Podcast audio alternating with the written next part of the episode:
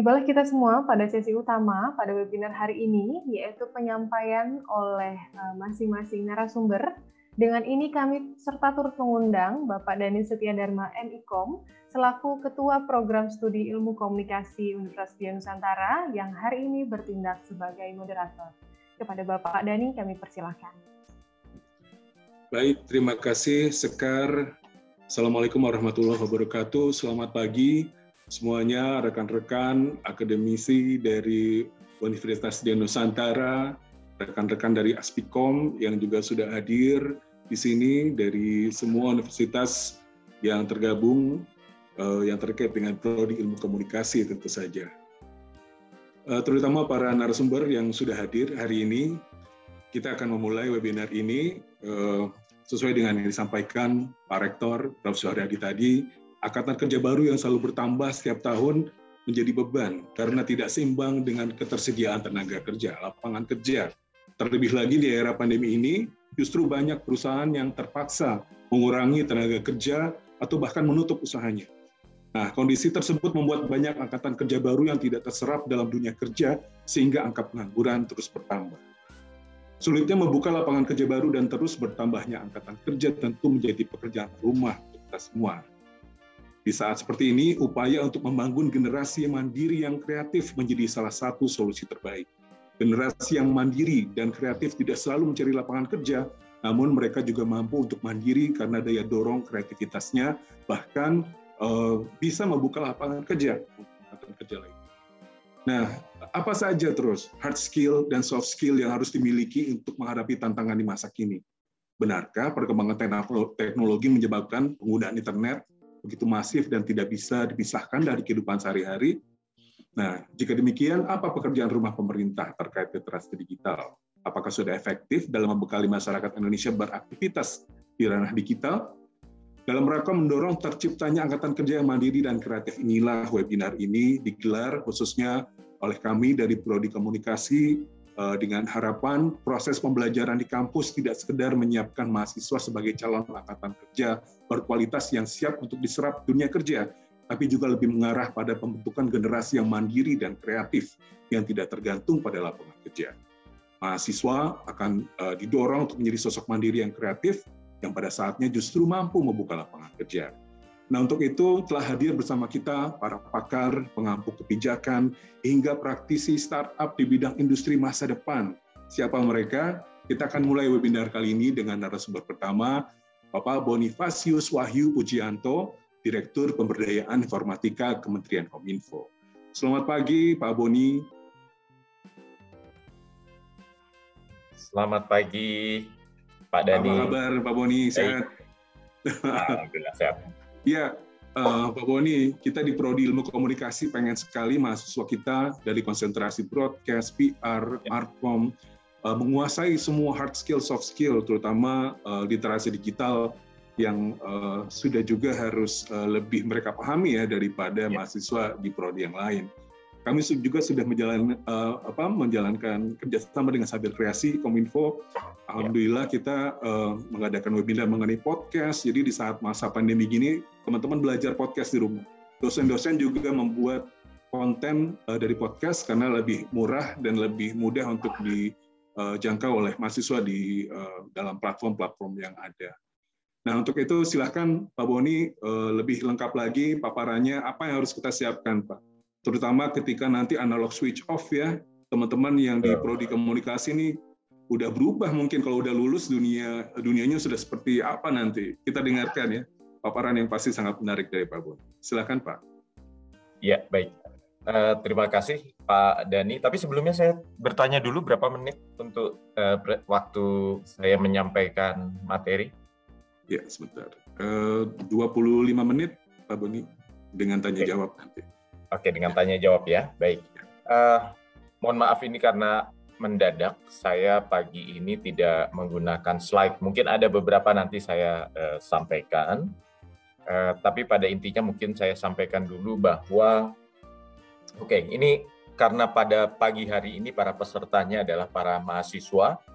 Terima kasih ini yang hadir tampaknya luar biasa nih, 450-an kurang lebih. Nah, yang paling penting adalah kita harus memasuki suatu era yang baru saat ini. Kita harus sangat adaptif, terutama karena adanya pandemi ini ya. Jadi ini yang disebut kalau secara perubahan adalah era disrupsi digital, di mana teknologi ini menjadi hal yang sangat signifikan. Tidak hanya apa dalam kehidupan kita di keseharian, tapi dalam bersosialisasi, bermasyarakat, ya karena pola dan kehidupan kita pun berubah. Dulu kita belajar, bekerja, mungkin physically kita harus berada pada lokus ataupun tempat-tempat yang sudah ditentukan. Tapi saat ini tidak memungkinkan dengan adanya situasi ini.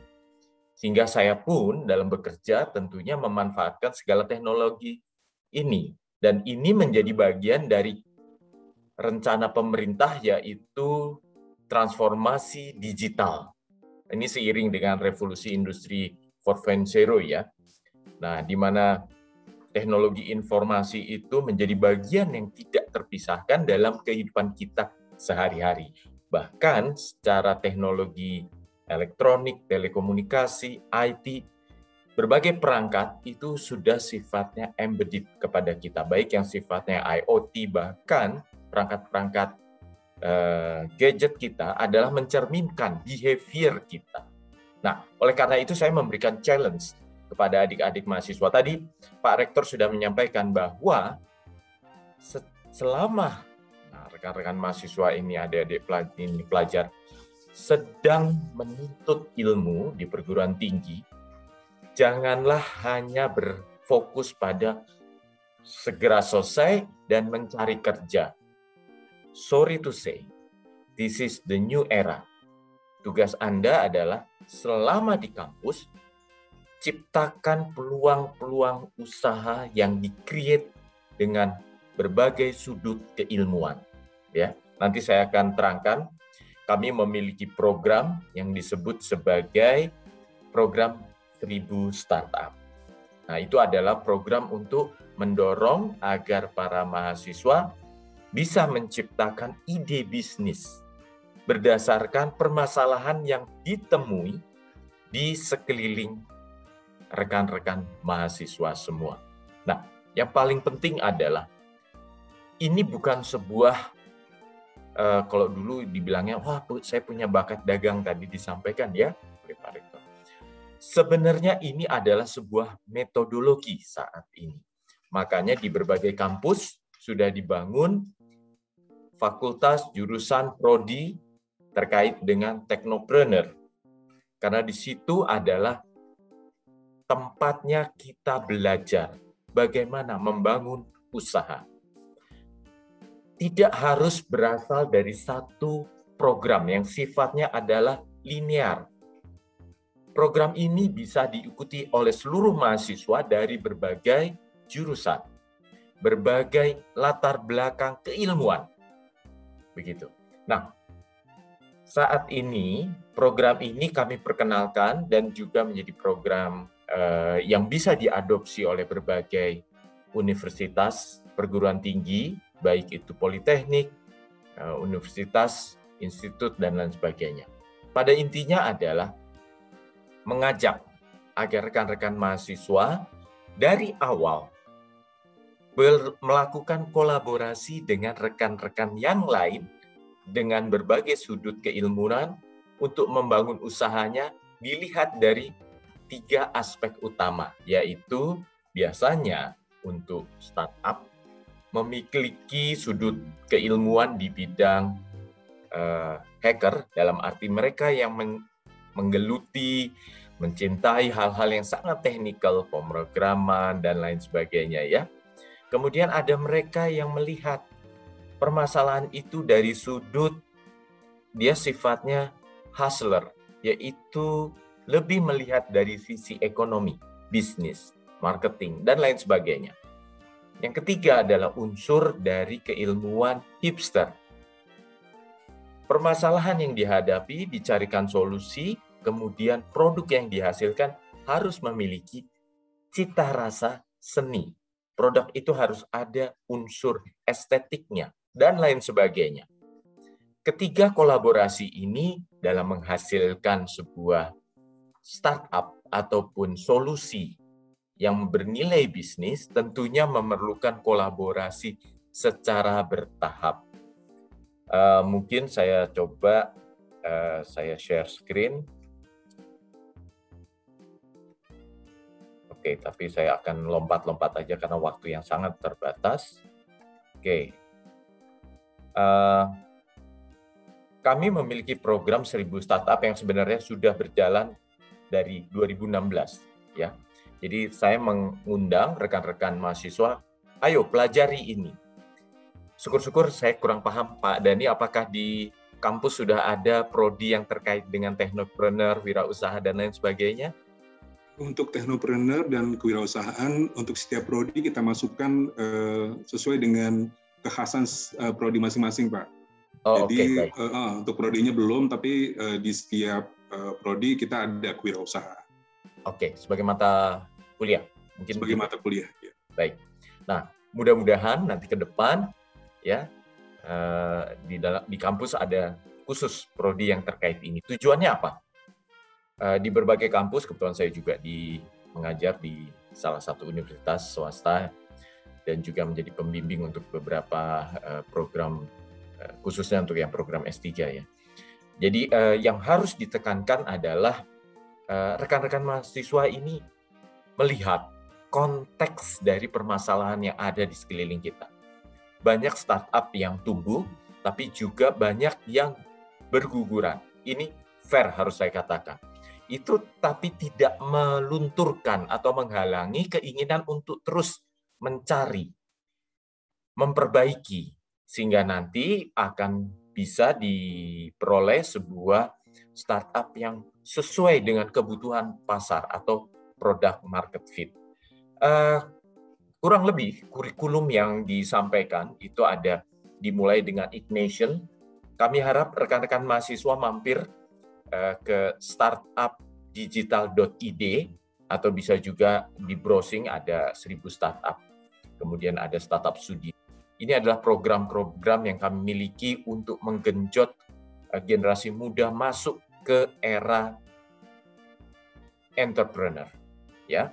Ini adalah tahapannya, ada ignition, networking, workshop, hack sprint, bootcamp, incubation sehingga dari sini eh, rekan-rekan mahasiswa bisa menemukan siapa partner yang bisa bekerja sama begitu. Nah, dari sini eh, startup itu diharapkan udah mulai bergulir karena mereka akan eh, sudah memiliki kelompoknya rekan-rekan kerja. Nah, ini adalah bagian dari uh, program 1000 startup yang berada di bagian tengah. Untuk di bagian awal ada sekolah beta itu sifatnya lebih ke sosialisasi. Nah, yang paling penting adalah bagi mereka yang startupnya sudah berjalan beberapa waktu, tractionnya sudah dapat, uh, engagement dengan para uh, penggunanya juga tinggi dan bisnis uh, modelnya sudah mulai solid ya sudah ada produk market fitnya. Nah, kita ajak untuk masuk ke startup studio. Ini adalah program yang levelnya lebih tinggi. Silahkan di situ para founders nah, ini akan dipertemukan dengan C-level founders. Maksudnya C-level itu adalah uh, chief, baik CEO, CIO, CTO dari startup-startup yang sudah established. Monggo, whatever di situ uh, saling berbagi cerita, bahkan dengan para investor atau venture capital. Dengan demikian nanti akan terbentuk startup-startup yang semakin tinggi. Hopefully rekan-rekan startup bisa uh, reach sampai dengan uh, A, uh, A series ya, A series begitu. Nah, silahkan. Ini di setiap kota di seluruh Indonesia, kira-kira 20 kota kita memiliki uh, simpul-simpul ini sebagai lilin untuk menyalakan Indonesia menjadi sebuah obor teknopreneur yang besar. Ya, silahkan diikuti. Ini ada program-programnya, ini ada deskripsinya. Nanti bisa saya share materinya. Ini tahapan di saat uh, di start, startup studio. Ada startup diagnostik, kita melihat dulu. Founders camp, para foundersnya kita kumpulkan. Sharing. Kita belajar dari satu sama lain. Melakukan one-on-one coaching dan seterusnya. Sehingga mereka tahu bagaimana meningkatkan portofolio startup mereka. Nanti rekan-rekan silahkan tanya kepada Mas Adam, ini yang sudah uh, menjalankan berbagai industri, tapi khususnya di game. Jadi gini, startup itu sebenarnya uh, luas ya. Saya kebetulan sebelumnya di Badan Ekonomi Kreatif, kemudian di Kementerian Pariwisata Ekonomi Kreatif, uh, dealing with uh, creative economy sectors. Jadi sangat banyak, mau fashion, craft, kuliner, kemudian juga masuk ke desain, art, di aplikasi digital tuh banyak sekali. Mau film, ya, animasi, game yang sekarang uh, sedang naik daun, bahkan gamesnya juga ada yang sifatnya sudah merupakan uh, apa namanya uh, seperti e-competition atau apa ya e-sport dan lain sebagainya. Luar biasa. Marketnya besar. Jadi anda harus mencari di mana core bisnis yang akan dipecahkan atau akan ditekuni. Ya, baik. Uh, silahkan mampir. Ini ada uh, di di Instagram, di Twitter, tapi di silahkan ikuti banyak digital footprint kita, terutama di YouTube, untuk silahkan diikuti. This is the digital era. Silahkan ikuti. Untuk rekan-rekan mahasiswa jangan jangan lupa untuk terus walaupun uh, menekuni bisnis tapi tetap tekuni juga uh, prodi ataupun uh, mata kuliah wajib yang harus diikuti. Namun kembali pada saat lulus Anda bukan hanya mencari kerja. Sekarang eranya Anda menciptakan kerja. Karena Indonesia maju mulai dari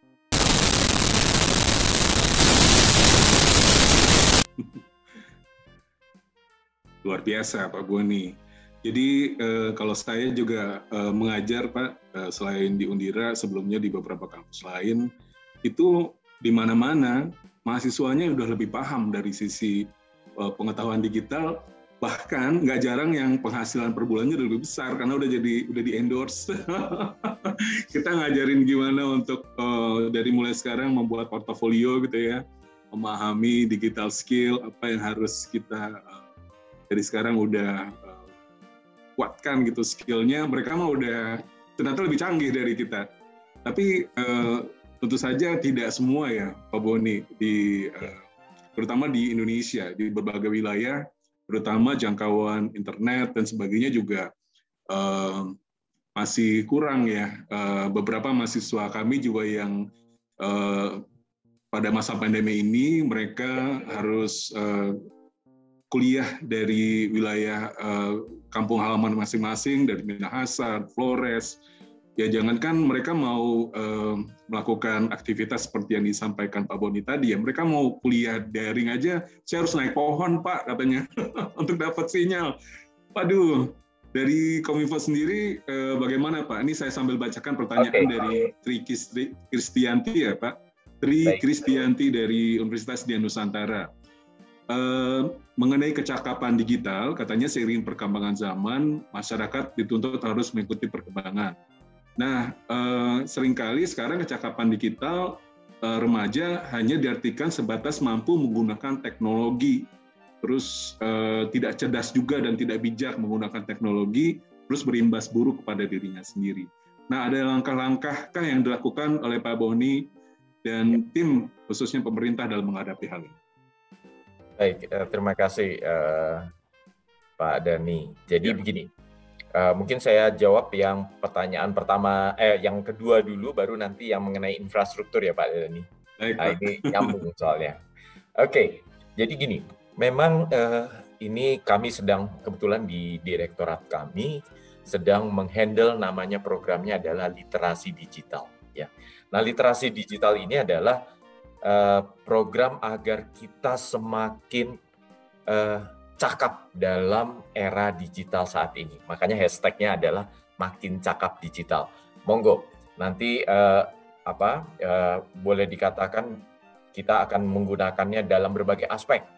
Misalkan uh, kita bisa menyebutnya Indonesia makin cakep digital, gitu ya. Atau kita juga bisa mengatakan uh, mahasiswa makin cakep digital.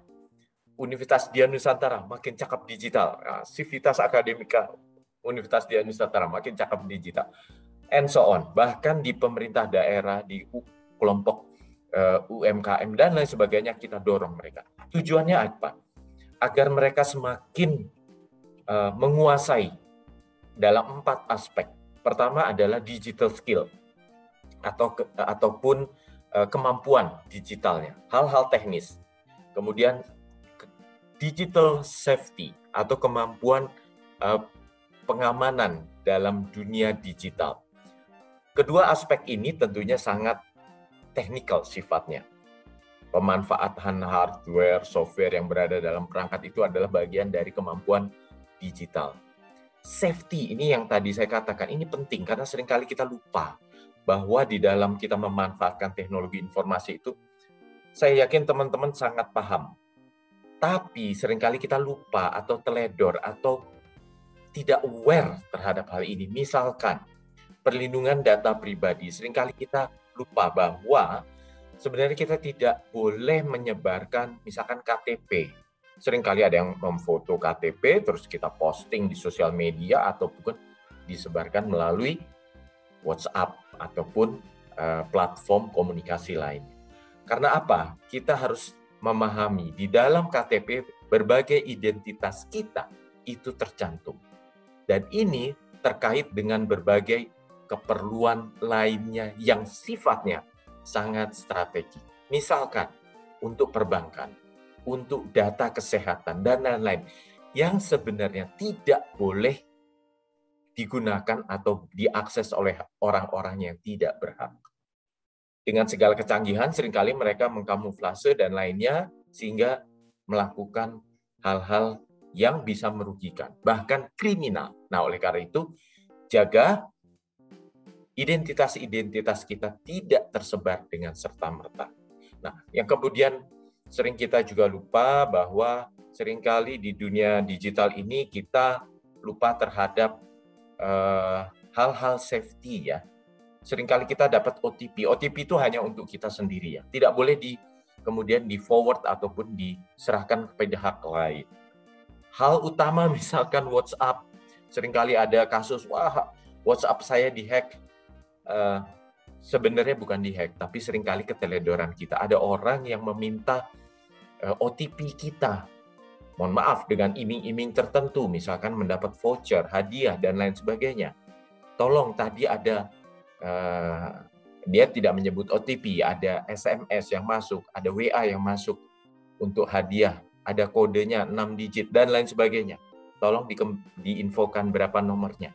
Seketika itu juga pada saat kode OTP itu dikirimkan, bablas semua WA kita. Jadi, rekan-rekan mahasiswa tolong di-share, disebarkan kepada rekan-rekan yang lain, atau kan ataupun kepada famili orang tua, adik, kakak bahwa hati-hati di dalam dunia digital ini.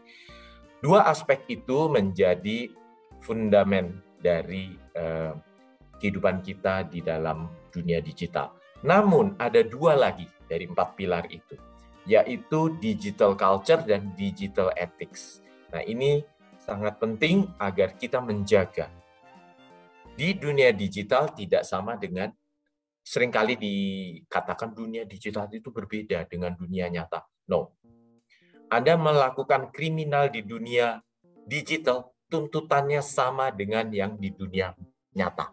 Oleh karena itu, jangan memanfaatkan dunia digital seolah-olah berbeda. Karena undang-undang, peraturan hukum itu menuntut dengan tuntutan yang sama ya. Untuk digital culture jaga persatuan kesatuan negara kita NKRI Pancasila ini menjadi basis dari kekuatan negara kita. Jangan dijadikan dunia digital untuk hal-hal yang memecah belah. Etika juga sama. Di dunia digital kita jangan melakukan perundungan.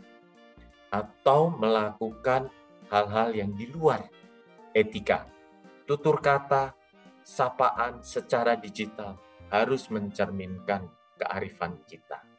Nah, oke, okay, tadi mengenai literasi digital. Tapi tadi ada uh, pertanyaan, wah ini yang kuliahnya posisinya di boleh dikatakan di jauh dari perkotaan begitu ya Pak Dani mungkin sinyalnya iya. masih kurang dan lain sebagainya. Oke, Kementerian Kominfo kami memiliki tugas memang terutama kepada mereka yang tinggal di 3T. Ya, 3T itu yang terdepan, terluar, agak sulit lah kondisinya begitu. Nah, kami Kominfo bertanggung jawab untuk mempersiapkan BTS. Kami uh, ada target seluruh desa di Indonesia pada tahun 2022 itu sudah terjangkau oleh 4G ya. Semoga nanti akan uh, terjangkau di tempat adik-adik mahasiswa yang posisinya kebutuhan sulit. Tapi mohon maaf, memang itu kan butuh proses. Sehingga membutuhkan waktu untuk BTS itu mungkin sekitar akhir 2022. Namun demikian, uh, tentu itu kalau BTS itu menggunakan data yang agak costly ya. Nah, kecuali yang di 3T, uh, Kominfo memberikan sinyal secara lebih subsidi, kurang lebih demikian. Tapi bagi mereka yang tinggal agak memiliki daerahnya nilai ekonomi, seperti perkotaan ataupun uh, agak keluar sedikit, namun di situ yang bergerak adalah operator seluler.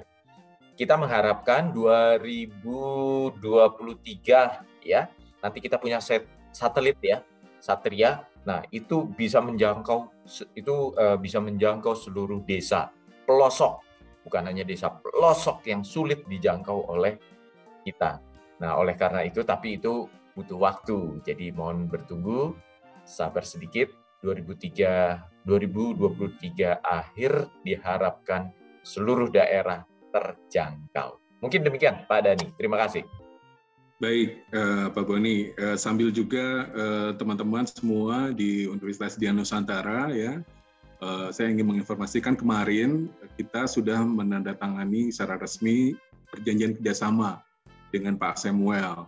Jadi uh, walaupun kegiatan kita sebenarnya sudah berjalan Pak dari mulai Januari lalu uh, mengenai workshop podcast dari mulai belajar membuat dari nol yeah. sampai cuan tuh pertanyaan yang paling banyak itu cuan gimana cuan, cuan ini gitu gimana bikinnya secara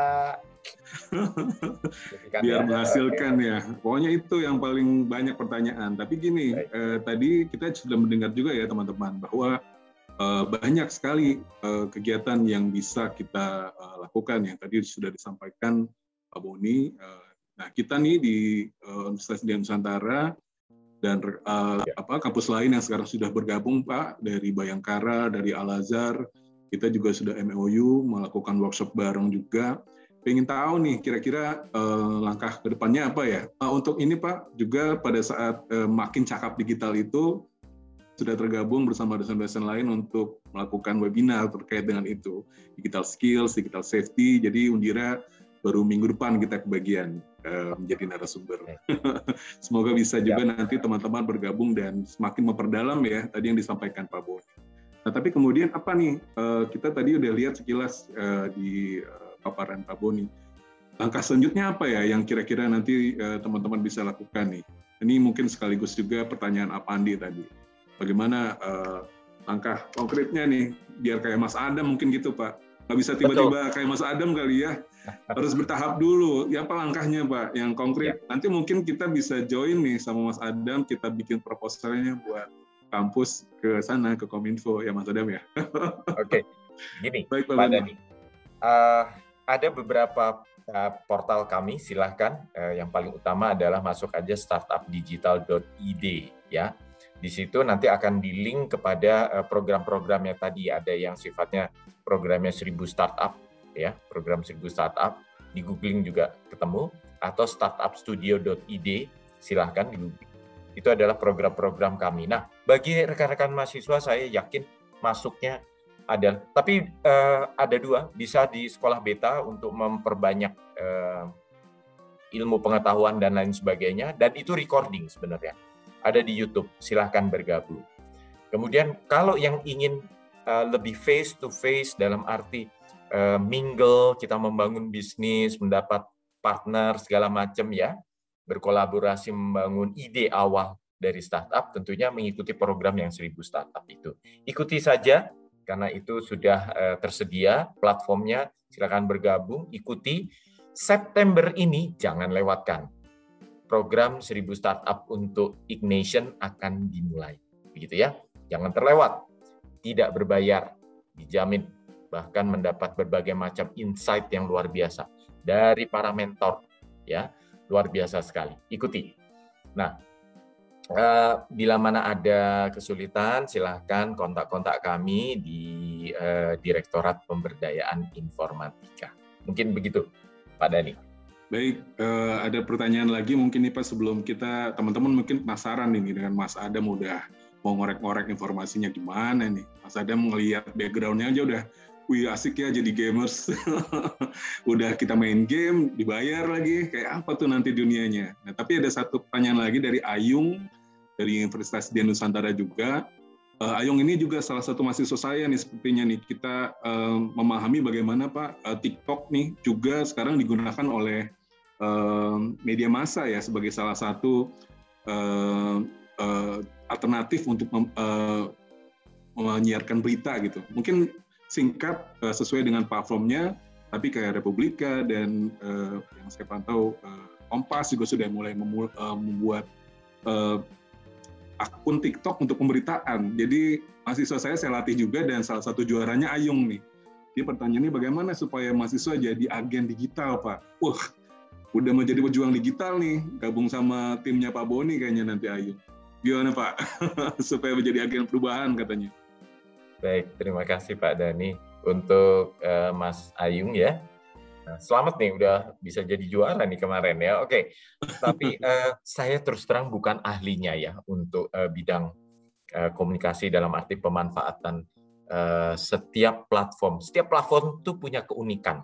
Dia punya uh, niche marketnya. Saya ingat sekali ada pakar-pakar komunikasi yang menyampaikan itu berbeda-beda. Anda sebagai youtuber, Anda sebagai Instagram fokusnya, atau Anda main di TikTok, masing-masing punya uh, behaviornya masing-masing. Nah, oleh karena itu silahkan ditekuni, itu menjadi sebuah platform yang menarik Bahkan pemerintah pun menggunakannya sebagai media ataupun kanal komunikasi. Ini penting sekali. Pemerintah tidak mungkin sekarang hanya bergantung pada portal yang sifatnya alamat uh, www apa-apa-apa begitu ya. Tapi selalu dikombin dengan platform-platform digital lainnya. YouTube pasti mereka akan selalu mempersi, mem, apa namanya membuatnya sebagai selain dokumentasi berbagai uh, campaign dan lain sebagainya, juga uh, Instagram yang sangat kuat. Facebook uh, ada walaupun agak menurun mungkin ya, tapi tetap digunakan. TikTok ini sesuatu yang baru, walaupun sekarang ada juga yang apa masuknya ke Snapchat dan lain sebagainya. It's okay, tapi silahkan untuk menjadi uh, tools ataupun platform-platform penguat dalam media komunikasi. Mohon maaf Pak Dani, saya I'm not an expert on that field. so, Oke okay, Pak, emang kelihatan kita emang saya tahu TikTok aja dari anak saya. Kalau nggak dia kasih tahu, saya nggak paham nih apa sih. Tadinya kan cuma dancing dancing, tapi sekarang banyak sekali yang dimanfaatkan dengan baik gitu Pak. Eh, Betul. Apa menjadi salah satu sarana untuk uh, pemberitaan, jadi media, mass media sudah menggunakan juga. Kayaknya teman-teman udah lebih canggih nih. Nah, menyambung pertanyaan tadi, kayaknya banyak nih buat ya. Pak Boni, nggak apa-apa Pak ya. Uh, saya bacakan dulu nih. Dari Joni Putra Pani. Nah, Pak, bagaimana memanfaatkan teknologi digital untuk mendukung budaya sebuah bangsa? Mampukah era digital memberikan kontribusi nyata untuk mewujudkan kebudayaan dan merajut spirit multikulturalisme. Waduh, luar biasa. Luar biasa. Oke, okay. uh, eh, ya kembali ya saya katakan uh, dunia digital itu seperti pisau pisau bermata dua, ya. Ada sisi positif dan ada sisi negatif. Nah, yang menjadi uh, concern kami di Kementerian Kominfo, khususnya di Jen Aptika adalah masih banyak dunia digital ini berisi konten-konten yang negatif. Nah, tugas kita generasi muda, rekan-rekan mahasiswa adalah penuhi dunia digital ini dengan konten-konten positif. Monggo, sifatnya adalah membuat sebuah platform, membuat sebuah usaha, membuat sebuah konten. Ingat, konten itu sekarang menjadi sebuah komoditi. Silahkan ditekuni. Tidak kalah penting adalah sekarang ada menjadi sebuah tim kreatif begitu. Ini juga memiliki uh, suatu karya uh, ataupun latar belakang kekuatan seni, kekuatan desain dan lain sebagainya yang dikemas menjadi sebuah tim kreatif. Ini kelihatannya terus akan menjadi opportunity di masa depan. Tapi kembali saya tekankan penuhi ruang digital di Indonesia ini dengan konten-konten yang positif. Saya terus terang capai uh, di Kementerian Kominfo itu kita tuh berjuang mati-matian untuk sebenarnya ini adalah upaya terakhir yaitu men-take down konten-konten negatif. Tapi dengan jumlah yang selalu ada, at least kita sehari itu harus take down berapa ya? Uh, hampir 200 ribu akun yang harus di take down, konten yang harus di take down. Sehari rata-rata at least 50. Eh, sorry. More than 50 sih, ya sehingga cukup capek buat tim uh, di dalam uh, di Gen Aptika untuk selalu standby, memonitor begitu ya, men-take down segala macam. Sebenarnya bila mana filter itu sudah ada di dalam diri kita masing-masing, maka dunia digital kita akan berisi konten-konten yang positif. Mari kita penuhi uh, dunia digital Indonesia dengan konten-konten yang memberikan nilai tambah. Mungkin itu, Pak Dani. Terima kasih. Baik Pak, uh, terima kasih Pak Boni. Jadi uh, teman-teman sebenarnya masih banyak pertanyaan nih. Kalau Pak Boni masih gabung sama kita, mungkin nanti nyambung uh, bareng-bareng juga sama Mas Adam nih. Tapi pada intinya semua sudah terjawab tadi ya. Ilham Syah Putra juga bertanya mengenai bagaimana oknum-oknum yang menggunakan media sosial tadi untuk menggiring opini. Ini banyak banget ya Pak ya kalau di kita nih Uh, ini juga uh, waktu saya masih menjadi jurnalis juga di lapangan itu kejadian di satu wilayah gara-gara uh, WhatsApp yang memang hanya mengadu domba tuh dari uh, TNI dan Polri uh, bisa bentrok. Jadi yang satu di WhatsApp ini di uh, diserbu, markas ini diserbu. Atau kalau kita sering dengar Pak waktu awal-awal masa uh, kampanye terutama tuh uh, gereja dibakar, masjid dibakar. Itu kan kalau kita nggak stop uh, di handphone kita, ya jadi kita juga kena kan seperti Bapak bilang tadi ada undang-undang yang memang sudah uh, uh, juga akan uh, terkena pasal orang yang menyebarkan pesan ya. Makanya uh, saring sebelum saring, sharing, betul ya, sharing. Itu ya. salah satunya mungkin yang tadi juga disampaikan Pak Boni.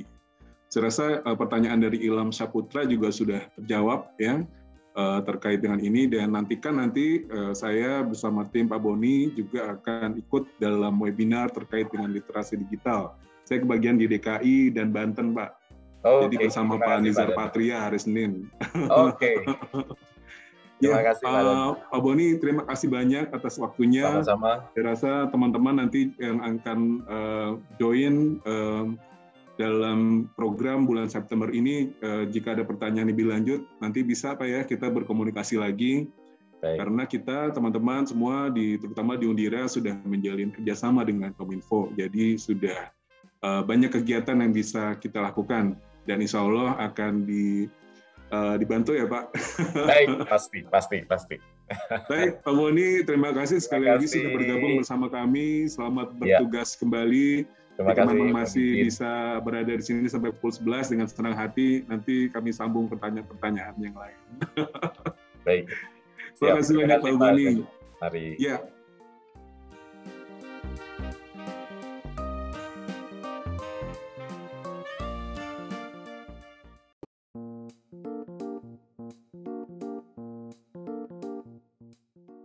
Teman-teman sekalian, uh, kita sudah mendengarkan bagaimana dari pihak uh, Kominfo ya, uh, program dan kegiatan yang dilakukan dari mulai literasi digital, serta bagaimana juga mendukung startup yang akan dilakukan oleh mahasiswa. Ini menantang banget buat kita.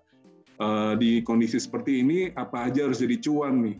Kemampuan digital kita harus mulai diasah dari sekarang. Tapi gimana taunya kita bisa melihat potensi dalam diri kita? Apa yang harus kita kembangkan supaya kita mandiri, supaya kita kreatif. Nanti lulus dari kampus, kita udah punya skill, industri masa depan tuh, tuh udah beda. Landscape penyiaran, landscape uh, kita nih kalau udah analog switch off, berubah dari uh, analog ke digital, dunianya juga udah berubah. Dari sekarang kita harus sudah siap Insya Allah di Prodi Ilmu Komunikasi kita akan melakukan uh, perubahan ya dari sisi kurikulum dan mata kuliah sehingga teman-teman sudah bisa menjadi content creator nanti di sini. Kita belajar banyak juga nanti sama praktisi-praktisi baik itu di industri penyiaran maupun industri yang lain. Nah ini yang industri yang saya belum paham betul nih. Saya tahu nih ada orang-orang yang memang uh, fun ya pekerjaannya ya main game, tapi mendapatkan banyak uang dari kerjaan uh, main game itu apa sih itu dunianya apakah ini salah satu industri masa depan yang bisa kita tekuni dari sekarang? Bagaimana skillnya? Sudah bergabung bersama kita Mas Adam Ardi Sasmita Mas Adam apa kabar? Sehat Pak Dani Alhamdulillah. Mantap. Nih saya iri nih lihat backgroundnya nih. Keren banget deh. Dulu kayaknya cuma ada Atari zaman saya Nintendo main gamenya. Sekarang udah ketinggalan banget. Nah, Mas Adam ini adalah salah satu bisa disebut pioneer, pioneer juga ya, praktisi juga. Tapi apa sih yang dilakukan, apa kegiatan yang terkait dengan uh, industri games ini? Silakan Mas Adam. Baik, terima kasih banyak uh, Pak Dani atas waktunya. Uh, uh, Prof. Suharyadi, thank you udah diundang. Pak Hasan, makasih banyak. Um, ini kedua kalinya ya saya diundang Pak Hasan untuk sharing Kemudian uh, Pak Boni, Pak Boni dulu waktu di Backcraft namanya banyak sekali membantu kami di industri game ya. Jadi makasih banyak Pak Boni, senang bisa ketemu lagi sekarang Pak Boni di Kominfo. Izinkan saya Aman. sharing sedikit ya tentang uh, industri game dan teman-teman mungkin uh, apa namanya bisa mungkin bisa mendapatkan inspirasi yang dari sesi kali ini dan ini saya sebenarnya merasa agak sangat ini ya eh, terhormat sekali gitu yang ngelihat posternya. Isinya bapak-bapak pejabat keren-keren. Ini saya sendirian nyempil gitu ya pakai kaos pakai topi gitu. Jadi uh, ya semoga bisa sama-sama memberi inspirasi buat teman-teman. Dan tadi saya lihat di chat kayaknya pada berantem. Ini uh, mau absen nggak absen gitu ya. Uh, tapi kalau dari chat ini saya ngeliat banyak sekali ya anak-anak yang dari PR sepertinya teman-teman yang dari jurusan PR di sini uh, mungkin nanti juga akan terbantu. Ada beberapa karir yang bisa teman-teman coba ikutin di dalam industri game juga. Ini bahkan ada yang sigap sekali ya. Uh, saya belum mulai materinya ya, baru mau kenalan. Udah ada yang nge-DM saya di Instagram gitu ya. Ada Ara gitu ya, udah DM loh. Saya belum ngomong udah di DM aja. Jadi teman-teman sebelumnya salam kenal dulu. Nama saya Adam Marisa Smita. Saya founder dari Arsenesia, uh, perusahaan game. Uh, nanti saya akan cerita sedikit tentang Arsenesia Um, kemudian saya juga sebagai Vice President atau Wakil Ketua Umum di AGI, Asosiasi Game Indonesia. Dan um, saya juga senang bikin konten. Uh, YouTube, blog post. Awalnya saya blogger sih, cuma sekarang karena dunia udah berubah, harus adaptasi juga gitu ya. Jadi teman-teman bisa lihat kalau mau tulisan-tulisan ada di ardisaz.com. Kalau mau follow di Instagram ada uh, @ardisaz saya juga TikTok baru belajar nih Pak. Jadi ada juga TikToknya tapi konten-kontennya juga masih belajar nanti uh, ya teman-teman lebih jago lah harusnya. Nah nanti kalau ada yang mau dengerin podcast, nah tadi kan ngomong cuan dari podcast gitu ya. Nah ini saya kebetulan juga cuan dari podcast. Saya jadi host di podcast yang diadakan oleh Good Institute, namanya Prestart. Nggak bahas um, awal mula menjadi game developers untuk speaker-speaker baik dari Indonesia maupun dari luar negeri. Jadi dari Indonesia ada yang sekarang kerja di Square Enix, terus dari luar negeri ada yang dari Jerman dan lain sebagainya. Kalau mau di YouTube juga ada konten-kontennya banyak tips tentang menjadi game developers. Jadi pokoknya di YouTube di uh, cari aja at Ardisas gitu. Nah, um, untuk memulai, ini saya izin agak casual sedikit ya, pengen ngobrol sama teman-teman juga di sini. Jadi teman-teman kita interaksi via chat aja ya. Uh, biasa aku suka nanya ke yang lagi survei singkat lah gitu ya. Pengen tahu sih teman-teman di sini lagi main game apa sih sekarang? Kalau aku sekarang lagi main game, ini ada yang tahu? Ini game judul tentang Yunani Aten nah, di Athens zaman dulu gitu ya, zaman-zaman Sparta. Ini game Assassin's Creed Odyssey. Uh, kebetulan main lagi gara-gara ada update baru bisa 4K 60 FPS di PS5, jadi main lagi. Kemudian nih game kalau ada yang tahu ya, um, Subnautica. Ya ini game keren banget. Um, kita terdampar di sebuah planet dan kita harus membangun survive gitu ya di dunia penuh dengan alien. Nanti teman-teman bisa cari, itu menarik sekali. Ini game yang lagi saya mainin sama anak saya, judulnya Sackboy. Ini seru banget buat main bareng, uh, co-op gitu ya mainnya. Sama di sini ada yang Maya nih main Mobile Legends. ini saya juga main Mobile Legends. Biasanya kalau kalau lagi pengen toxic gitu ya, pengen melepas stres, nah itu main Mobile Legend. Kalau ngeliat di chat, teman-teman juga mainnya beragam ya. Ada yang main iya game. Nih, gamer semua ternyata Mas Adam. Banyak Betul. banget games yang dimainin. GTA 6 belum ada Muhammad Rizky Pratama mohon maaf nih terakhir baru 5 gitu ya Dota oke okay, banyak yang main Dota Mobile Legends cukup banyak di sini Ludo oh iya Ludo ular tangga itu juga game tidak salah betul ya Monopoly juga um, ya teman-teman di sini banyak yang gamers juga ya. Candy Crush juga gamer gitu. Jadi yeah. Iya. uh, mau mobile, mau PC, mau konsol itu juga sama-sama main games. Oke, okay, jadi ada empat poin sih yang pengen saya share dalam waktu ini kurang lebih tinggal 15 menit lagi. Uh, pertama, saya pengen share sedikit perjalanan ketika saya memulai menjadi game developers. Kemudian saya pengen cerita kepada teman-teman seberapa besar sih industri game ini. Yang ketiga, saya juga pengen share masa depan dari industri game seperti apa. Dan yang terakhir tips untuk menjadi game developer, walaupun teman-teman gak mau jadi game developer, tapi mungkin tips ini bisa dipakai juga untuk teman-teman berkarir di industri kreatif. Pertama, kita ngomongin journey-nya dulu ya. Jadi kenapa sih saya membuat studio game dulu itu awalnya? Uh, ini dulu saya mulai ketika saya tingkat 3, tingkat 4 akhir di kampus gitu ya. Um, bersama dengan lima orang founders waktu itu uh, kala itu lagi ada kasus nih rame nih di Indonesia. Ada klaim budaya budaya Indonesia yang diklaim sama negara tetangga. Waktu itu batik yang diklaim. Uh, negaranya yang klaim depannya M belakangnya A gitu. Gak usah disebut namanya nanti UU ITE lagi. Uh, jadi waktu itu lagi diklaim rame gitu kan. Terus kita mikir uh, gimana nih uh, ini kan apa? Orang Indonesia tuh gitu ya. Kalau lagi diklaim baru aja semangat membara melindungi budaya kita. Tapi kalau lagi nggak diklaim aja nggak ada yang peduli gitu kan. Terus kita mikir gimana caranya nih kita yang mahasiswa dulu saya jurusan IT ya bisa ngebantu melindungi budaya Indonesia. Jadilah kita coba gimana kalau budaya Indonesia itu kita buat dalam bentuk digital dalam bentuk game. Akhirnya waktu itu kita awali Arsanesia dengan membuat game dengan tema budaya Indonesia. Kita bikin game tentang Candi Prambanan, game tentang gamelan, game tentang uh, leak dari Bali gitu ya. Jadi kita terus-terusan mempromosikan budaya Indonesia menggunakan game. Wah ini uh, dulu zamannya masih handphonenya Nokia nih. Jadi ketahuan umur juga ya gitu ya handphone Nokia. Uh, terus di tahun 2015 kebetulan saya punya anak. Uh, ketika punya anak saya mikir nih anak saya akan tinggal di era digital. Di mana dari lahir pun dia sudah melihat layar di sekitar hidupnya gitu kan. Akhirnya saya mikir, tapi belum banyak nih konten-konten game yang aman buat dimainkan oleh anak-anak gitu kan. Saya pengen anak saya bisa main game, tapi gamenya juga safe untuk dimainkan anak-anak. Jadilah waktu itu kita bikin Arsa Kids nih 2015 yang memang fokusnya game edukasi untuk anak-anak. Kemudian sering berjalannya waktu, ini lebih menarik lagi.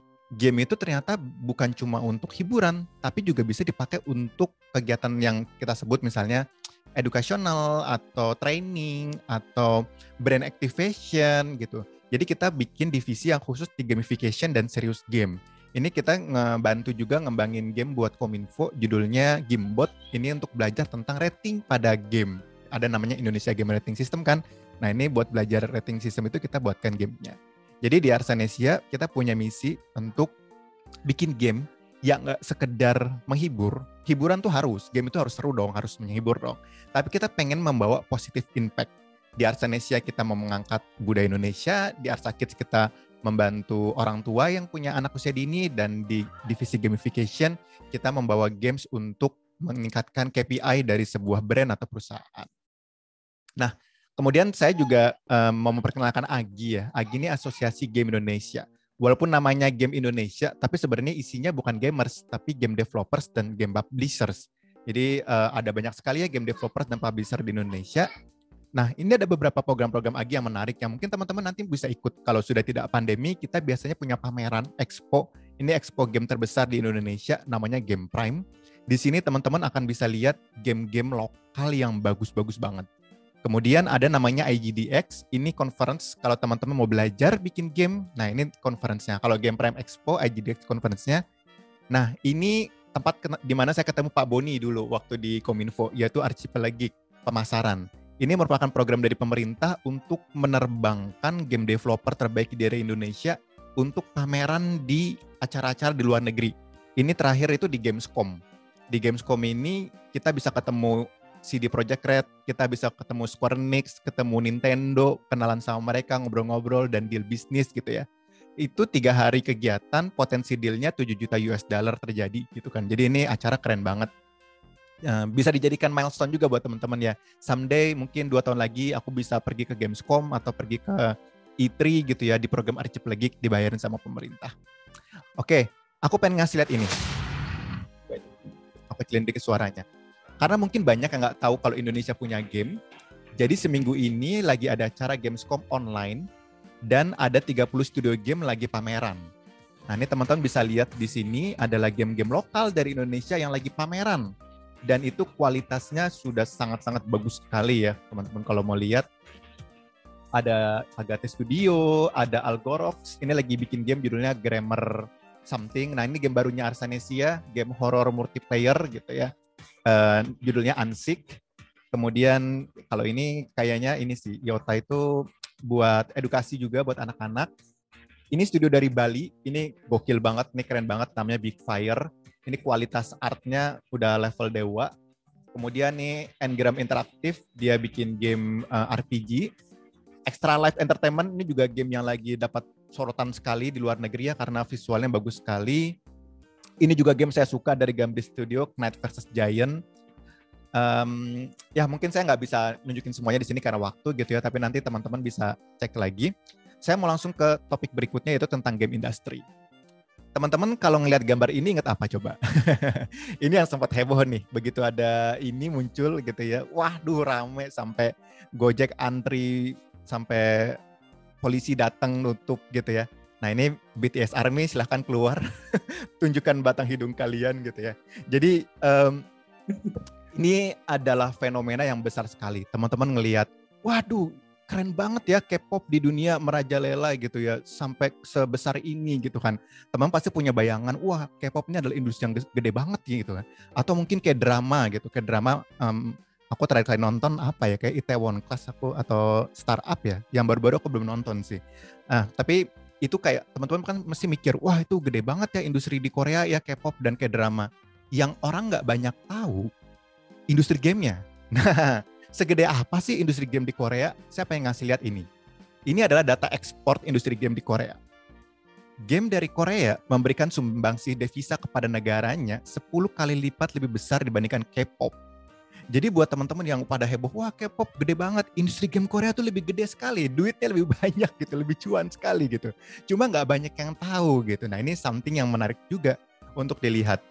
Jadi kalau tadi di mention pandemi membuat banyak industri terluka. Ini kalau teman-teman lihat ya, industri game itu justru tumbuh gara-gara pandemi. Karena orang-orang pada di rumah, nggak bisa keluar, yang tadinya uangnya buat nonton di bioskop, akhirnya mereka pakai uangnya buat main game. Jadi ini salah satu industri yang thriving, dan kalau dibandingkan dengan semua industri hiburan yang ada di dunia, itu termasuk yang paling besar dan paling cepat pertumbuhannya. Kalau kita lihat top 10 box office itu ya, paling sukses film sepanjang masa itu Avengers Endgame, nomor duanya Titanic uh, eh Avatar ya tapi bukan Avatar The Last Airbender ya ini Avatar yang James Cameron kemudian Titanic gitu ya. Itu paling sukses pun cuma 2,7 billion. Kalau game ini bukan top 10 yang paling sukses loh saya cuma sampling ngambil yang di atas 3 billion tuh banyak banget. Nah jadi ini screenshot yang bisa teman-teman ambil kalau misalkan teman-teman pengen jadi game dev dan main ke rumah calon mertua gitu ya. Ngomong sama uh, bapak mertuanya, calon bapak mertuanya gitu kan. Om saya mau ngelamar anak bapak gitu kan. Terus misalkan dibilang, ehm, kamu mau kerja apa gitu kan. Misalkan kamu bilang, oh saya mau jadi sutradara film seperti uh, Joko Anwar, James Cameron gitu kan. Biasa kan orang tua pada bilang, oh bagus nak, terus kena itu karir yang bagus gitu, semangat ya gitu ya. Tapi kalau misalkan kita bilang, oh saya pengen jadi game developers gitu kan, masih banyak orang tua yang mikir, ah ngapain jaga warnet gitu ya. Udah kamu putus aja sama anak saya gitu. Jadi banyak yang nggak tahu kalau misalkan potensi dari game ini gede sekali. Dan Indonesia, walaupun rakyatnya suka yang gratisan, suka yang bajakan, itu termasuk nomor 16 terbesar di dunia dengan revenue 1,7 billion.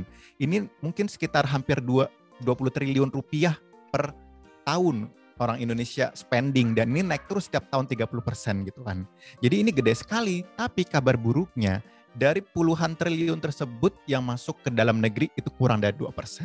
Jadi ini PR kita bersama gimana caranya kita bisa merebut itu ketika kita ngelihat, oh kok cuma 2%, malah sampai ada yang bilang 0,4%, kita punya dua hipotesis. Pertama, gamenya emang jelek, game Indonesia jelek-jelek, nggak bisa compete. Yang kedua, kitanya nggak tahu kalau Indonesia punya game.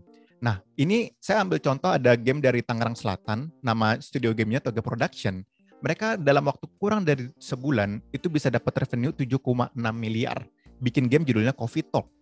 Nah, ini kalau dibagi 10 gitu ya, berarti misalkan timnya bersepuluh itu per orang per bulan bisa dapat 700 juta rupiah gitu kan dari game ini. Dan yang menarik adalah ini sumber devisa. Teman-teman bisa lihat penjualan terbanyaknya justru dari US, Korea, Jepang, Cina. Indonesia cuma satu persen gitu kan. Jadi ini menarik sekali. Dan ini ada game dari Jogja, judulnya Coral Island. Ini bagus banget, tapi belum jadi. Dia baru campaign di Kickstarter, uh, minta crowdfunding ya, pendanaan kayak kita bisa itu kurang dari sebulan dapat 23,7 miliar orang ngemodalin dan sebagian besar pemodalnya dari luar negeri. Ini kan jadi ironis juga nih, ke mana investor dalam negeri? Kok yang modalin justru dari luar negeri? Dan yang terakhir, ini baru rilis Juli, Juli kemarin, ini saya keren banget nih.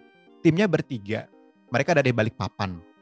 Orang mikirkan, oh kalau mau bikin game harus di kota besar ya? Enggak juga, ini timnya dari balik papan. Terus mereka pindah bikin kantor di Bali bikin game tentang budaya Bali, eh di Jogja ya, kantor di Jogja. Bikin game tentang budaya Bali. Gamenya dipublish oleh perusahaan Jerman. Dan kita kemarin bikin kampanye beli game lokal tuh hari pertama udah langsung sold out. Dan jangan salah nih, ini game yang nomor satu ya pertama kali di Indonesia yang pakai NVIDIA RTX Ray Tracing dan DLS, DLLS gitu ya. Itu kemarin um, menjadi sorotan juga. Aduh, waktu saya tinggal dikit ya. Oke, okay, uh, jadi apa -apa. ini teman-teman. Mas Adam, uh, lanjut aja, masih ada waktu. Oke oke oke. Saya selalu pasang timer aja. di sini Pak Dani. kalau udah santai, mau habis. Santai aja. Oke Masih okay, ada okay. cukup waktu. Ya. Siap siap. Oke. Jadi ini saya mau giveaway kepada teman-teman dua game ini, Coffee Talk dan Escape from Naraka. Uh, tadi ya game yang dapat 7,6 miliar dan game Indonesia wow. pertama yang pakai Nvidia RTX. Jadi silakan teman-teman caranya gampang. Teman-teman foto bersama game lokal, nggak harus game ini apa pun post di IG-nya teman-teman tag saya ya biar saya bisa ngelihat. Terus coba beli caption paling kreatif untuk ngedukung game Indonesia. Misalnya nih, uh, beli game lokal atau misalnya uh, saya main game lokal, kamu main game apa atau apa gitu ya. Pokoknya nanti caption yang paling kreatif saya akan berikan dua orang ya. Satu akan saya berikan Coffee Talk dan satu saya akan berikan Escape from Naraka. Jadi ini silakan uh, teman-teman uh, cari game lokal di mobile boleh, di Steam boleh, di foto gamenya kemudian kasih caption buat promosikan juga game itu kepada teman-teman yang lain bahwasan Indonesia punya game bagus dan pemenangnya nanti aku umumkan hari ini.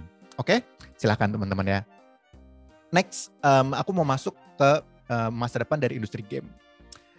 Industri game ini menarik ya. Dulu itu kita mikir kayak tadi pada ini cerita ya. Cara kita main game itu kita duduk di so di kursi di depan layar dengan device Atari gitu ya. Cuma sekarang um, game sudah sangat jauh berbeda gitu ya. Ini mungkin tahun 80-an ya, teman-teman bisa ngelihat game ada yang tahu game apa ini? Kalau tahu mungkin ketahuan usia juga ya gitu ya. Ini dulu game pertama yang saya mainkan gitu ya. Itu judulnya Mario Bros di Nintendo SNES dulu ya. Terus ada yang tahu game apa ini? Ini dulu juga game yang saya suka mainkan di PS1 dulu ya. Tiga keping CD-nya. Jadi kalau misalkan udah sampai tahap mana kita mesti ganti tuh CD-nya. Jadi zaman dulu mainnya harus pakai CD dan harus diganti CD-nya belum Blu-ray sekarang. Nah ini bener nih Sandi Sandri ya FF7 dan nih ya, ada yang tahu ini game apa? Dulu saya main game ini di warnet bisa berjam-jam. Jadi kalau bukan point blank, ini adalah CS 1.6 gitu. Mungkin kalau ada yang ingat nama mapnya ya ini dulu map yang sangat uh, inilah sangat uh, berkesan. Ini Rido, ini ketahuan usia juga ya Rido di das gitu ya mapnya. Jadi dulu tuh kalau kita mau main game, main game bareng sama teman kita ya kita harus ke warnet, harus pakai LAN gitu ya. Kalau dibandingkan sama sekarang ya ini ada yang tahu game apa? Ini adalah game paling saya suka ini game franchise favorit saya seumur hidup ya. Um, ada yang tahu ini game apa teman-teman? Uh, karakternya namanya Aloy. Kalau nggak salah Aloy ini sekarang bakal jadi karakter di Genshin Impact nih. Jadi dia jadi guest star di Genshin Impact.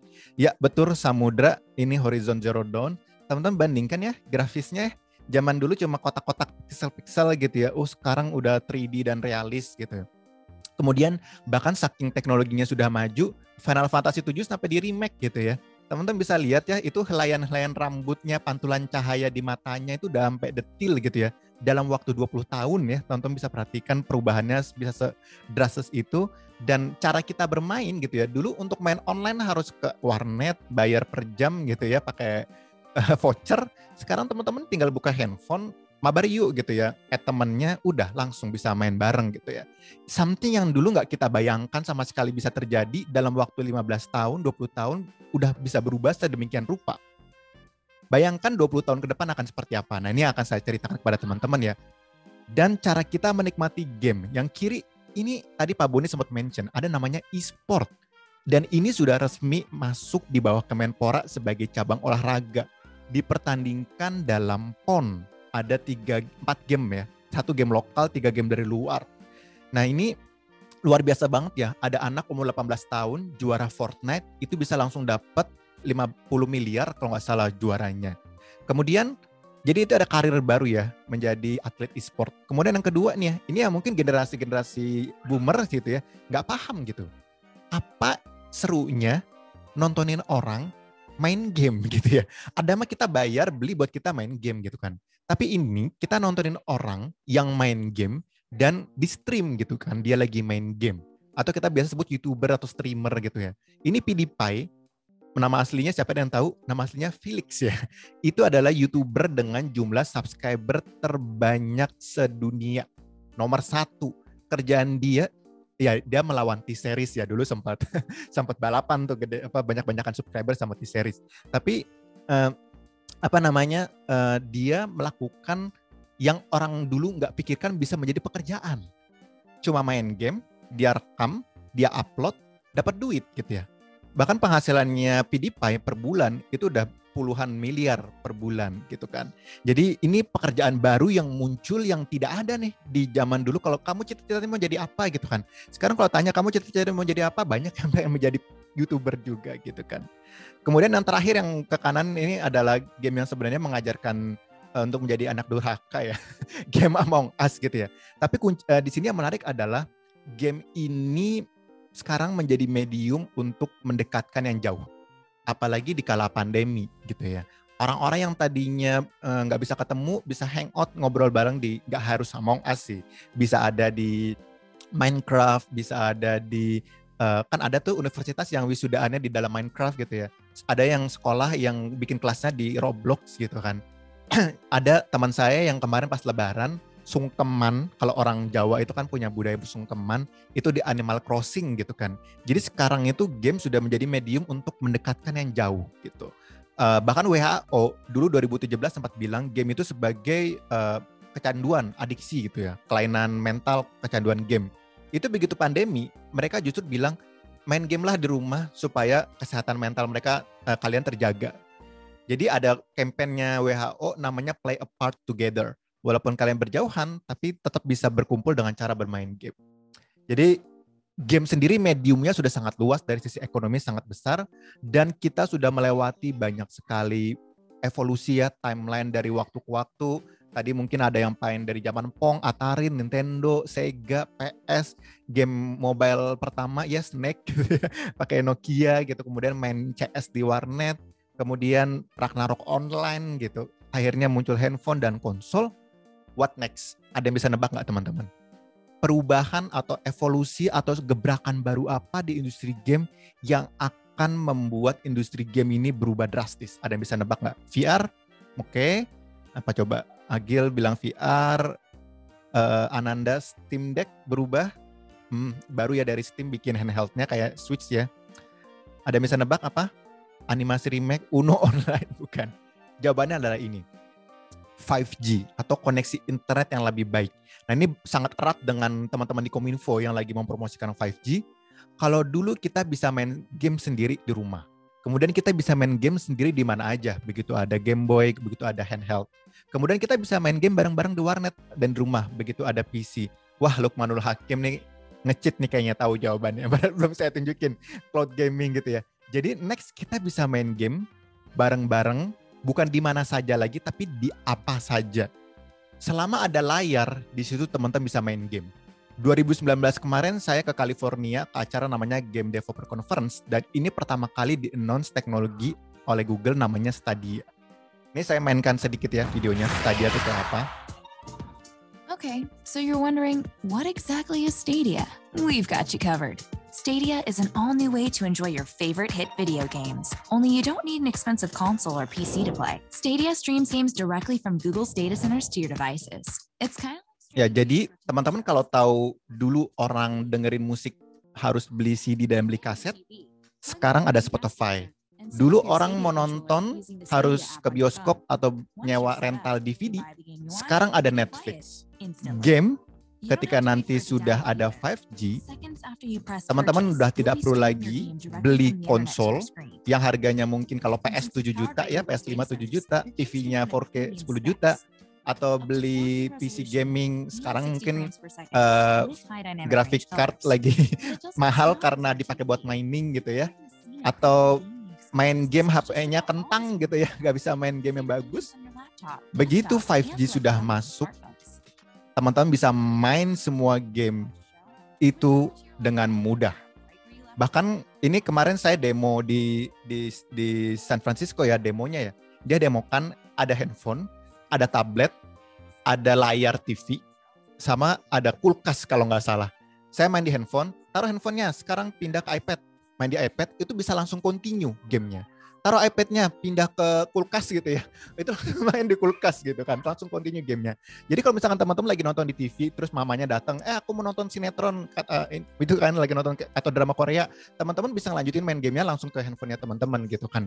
Dan itu hanya butuh koneksi internet stabil 20 Mbps ini sangat mungkin terjadi ketika 5G sudah masuk ke Indonesia dan sekarang on the way. Nanti bisa nanya ke Pak Boni, ini lagi proses nih untuk bisa masuk ke Indonesia dan teman-teman bisa main game apa pun gamenya. Dan yang keren adalah kemarin didemokan gini. Misalkan teman-teman lagi nonton PewDiePie main nih, main FIFA gitu kan. PewDiePie bisa bilang gini, guys, gue mau main bareng sama kalian. Silahkan klik link di YouTube ini untuk join. Kita tinggal klik, terus kita bisa langsung join. Gak perlu download gamenya. Bisa langsung join via YouTube. Jadi nggak ada alasan lagi teman-teman HP kentang HP kentang selama internet di Indonesia stabil 20 Mbps, teman-teman akan bisa menikmati game dan misalkan mikir ah internet di sini sekarang kacrut gitu ya. Gimana bisa gitu kan? Saya juga dulu 20 tahun yang lalu kalau mau ngirim email atau mau ngechat itu juga kacrut gitu kan. Nggak ada namanya video call zoom kayak gini tuh nggak ada gitu kan. Jadi sekarang mungkin teman-teman bilang internet kita nggak nggak bisa nih main kayak gini tapi 10 tahun lagi teman-teman bisa lihat semua orang akan streaming. Jadi tunggulah itu akan terjadi. Oke terakhir buat penutup nih semoga waktu saya nggak kebanyakan. Ini walaupun tips untuk menjadi game developers ini bisa teman-teman pakai untuk jadi apa pun yang teman-teman inginkan.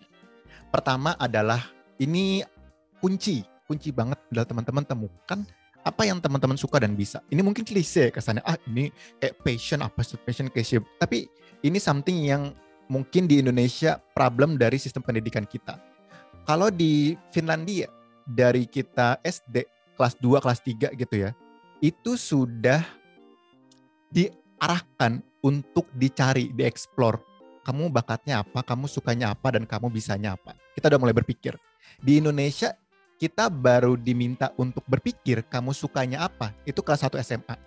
Mau IPA, IPS, atau bahasa. Baru kita mikirkan, hmm, kira-kira gue cocoknya di mana ya gitu kan.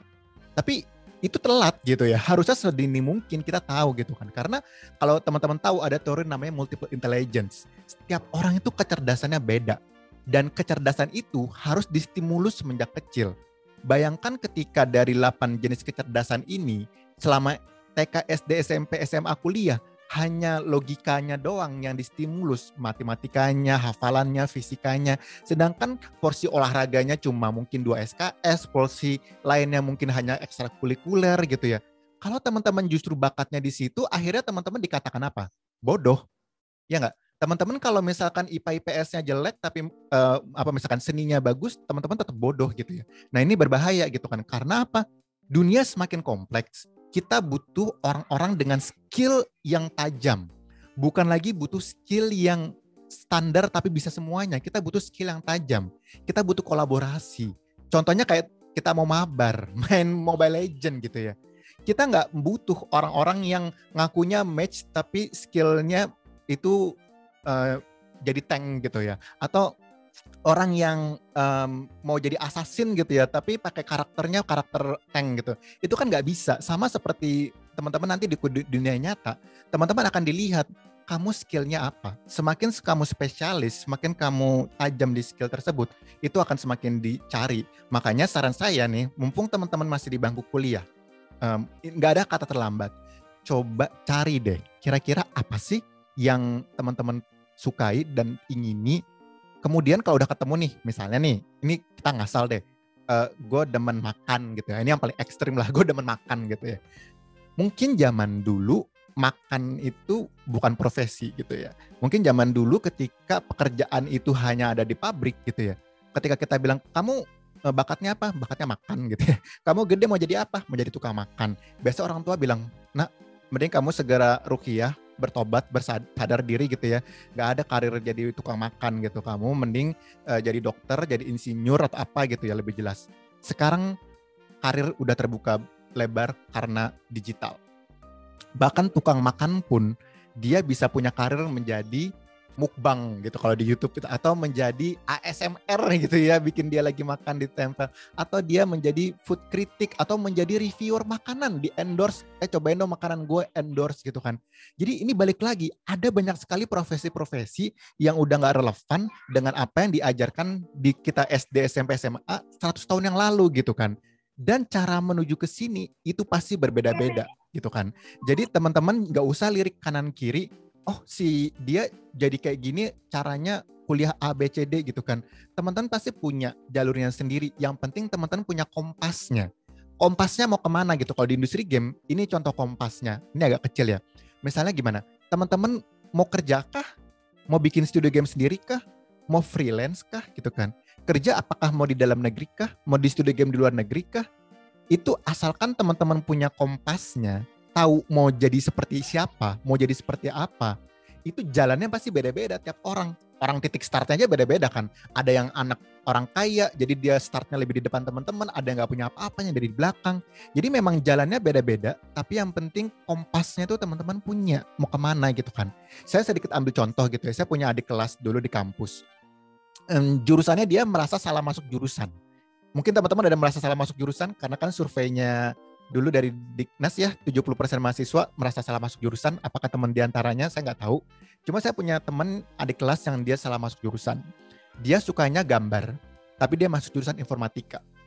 Dia udah punya kompas nih dari tingkat satu, bahkan dari SMA. Dia udah bilang, aku pengen kerja di studio game di luar negeri ketika lulus kuliah dan menjadi 3D artist.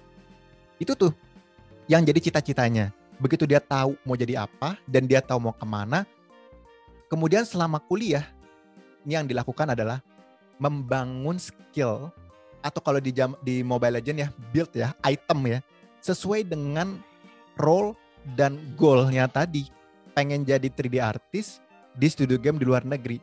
Tapi kuliahnya nggak belajar art, nggak belajar bikin visual, gimana caranya? Ya udah, dia bangun skillnya di waktu luang. Di saat kuliah dia harus lulus, dia kuliah dengan baik. Di luar waktu kuliah dia grinding, uh, apa farming gitu ya kalau bahasanya Mobile Legend ya. Farming build item gitu. Item untuk menjadi 3D artis yang bagus dalam waktu empat tahun gitu kan. Sehingga ketika nanti dia keluar dari kampus buildnya dia udah jadi udah level 15 gitu ya. Dia bisa kerja di Jepang. Sekarang dia kerja di Square Enix menjadi 3D artis. Awalnya dia di Koei Tecmo yang bikin uh, apa Dinasti Warrior gitu kan.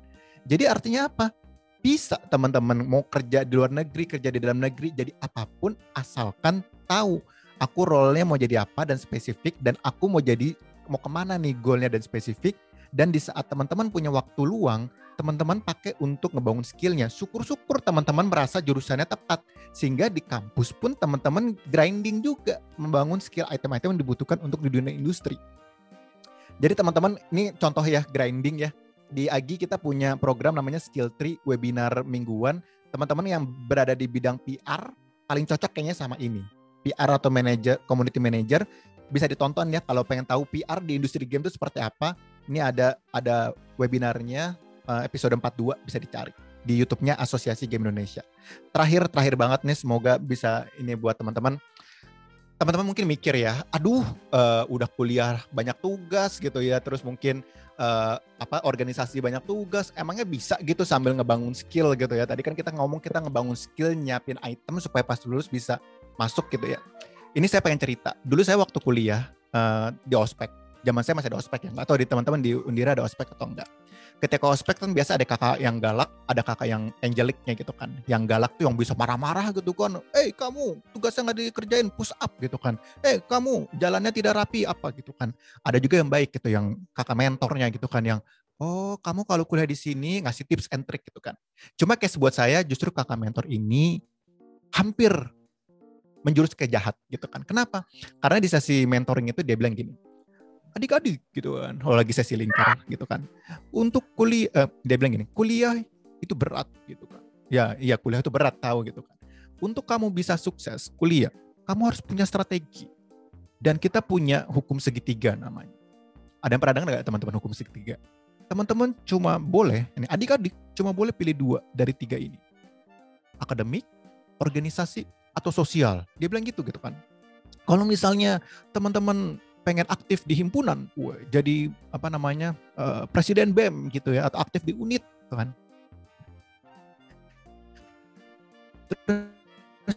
Teman-teman punya IPK-nya bagus gitu ya, 4,5 atau 5. Itu biasanya kamu jomblo gitu ya. Kamu nggak punya waktu buat pacaran, kamu nggak punya waktu buat karaokean sama teman-teman kamu gitu kan.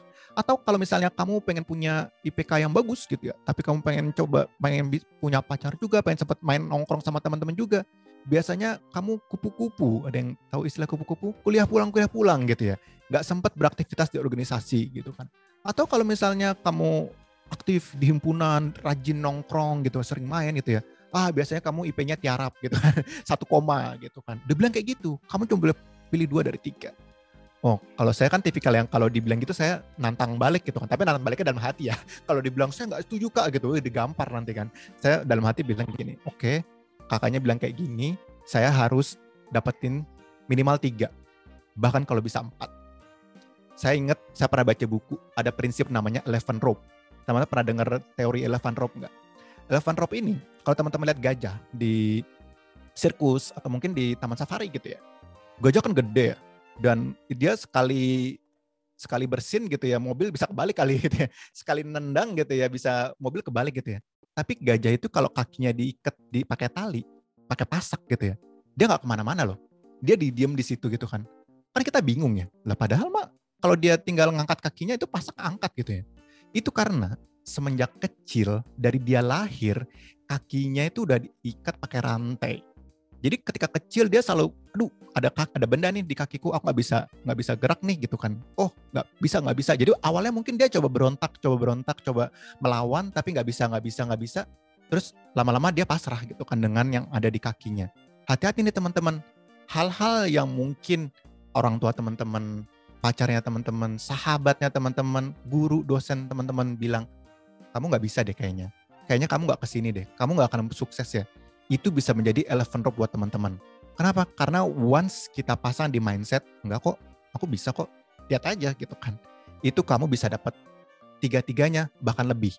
Aku waktu dulu membuktikan, aku coba patahin uh, teori ini, lulus dari ITB, itu kumlot, organisasi um, dulu jadi ketua angkatan, hampir jadi ketua himpunan, cuma saya menolak gitu ya, sibuk ngurus yang lain gitu, saya nggak mau. Sosial alhamdulillah pacar yang dulu sekarang jadi istri gitu ya. Artinya kan masih sempat diapelin gitu ya. Dan terakhir juga saya nambah nih segi empat. Sebelum lulus udah punya bisnis sendiri gitu kan. Dan itu bisa. Jadi teman-teman di sini yang ngerasa kayak, aduh kayaknya aku pengen jadi Deddy Kobuzier, punya podcast yang bagus gitu kan. Aduh aku kayaknya pengen jadi game developer, aku kayak pengen jadi apa pun gitu kan. Dan ketika teman-teman ngerasa, ah, tapi kan gue kuliah udah ribet, udah susah. Eh tapi kan gue masih ada itu. Hati-hati, jangan-jangan itu elephant rope teman-teman. Jangan-jangan itu tali yang membuat teman-teman jadi nggak berani mencoba. Jadi saran saya teman-teman di sini, apa pun kata orang-orang, teman-teman tetap yakin, semangat, yakin fokus ya teman-teman bisa karena zaman sekarang yang dibutuhkan tuh cuma satu grit grit itu adalah dibanting seperti apa pun di dibantai dengan berbagai macam kegagalan seperti apa pun teman-teman bangkit lagi jatuh bangun jatuhnya ke depan langkah lagi ke depan jadi teman-teman di sini uh, tetap semangat cari apa yang teman-teman sukai cari skillnya cari role modelnya dan manfaatkan waktu luang teman-teman untuk membangun itemnya, ngambil itemnya, teman-teman pasti bisa jadi apa pun yang teman-teman mau. Jangan mau di kaki teman-teman dipasang tali, teman-teman pasti bisa. Mungkin itu dari saya terima kasih atas kesempatannya. Tadi saya lihat banyak pertanyaan, semoga kita punya banyak waktu banget. untuk tanya jawab.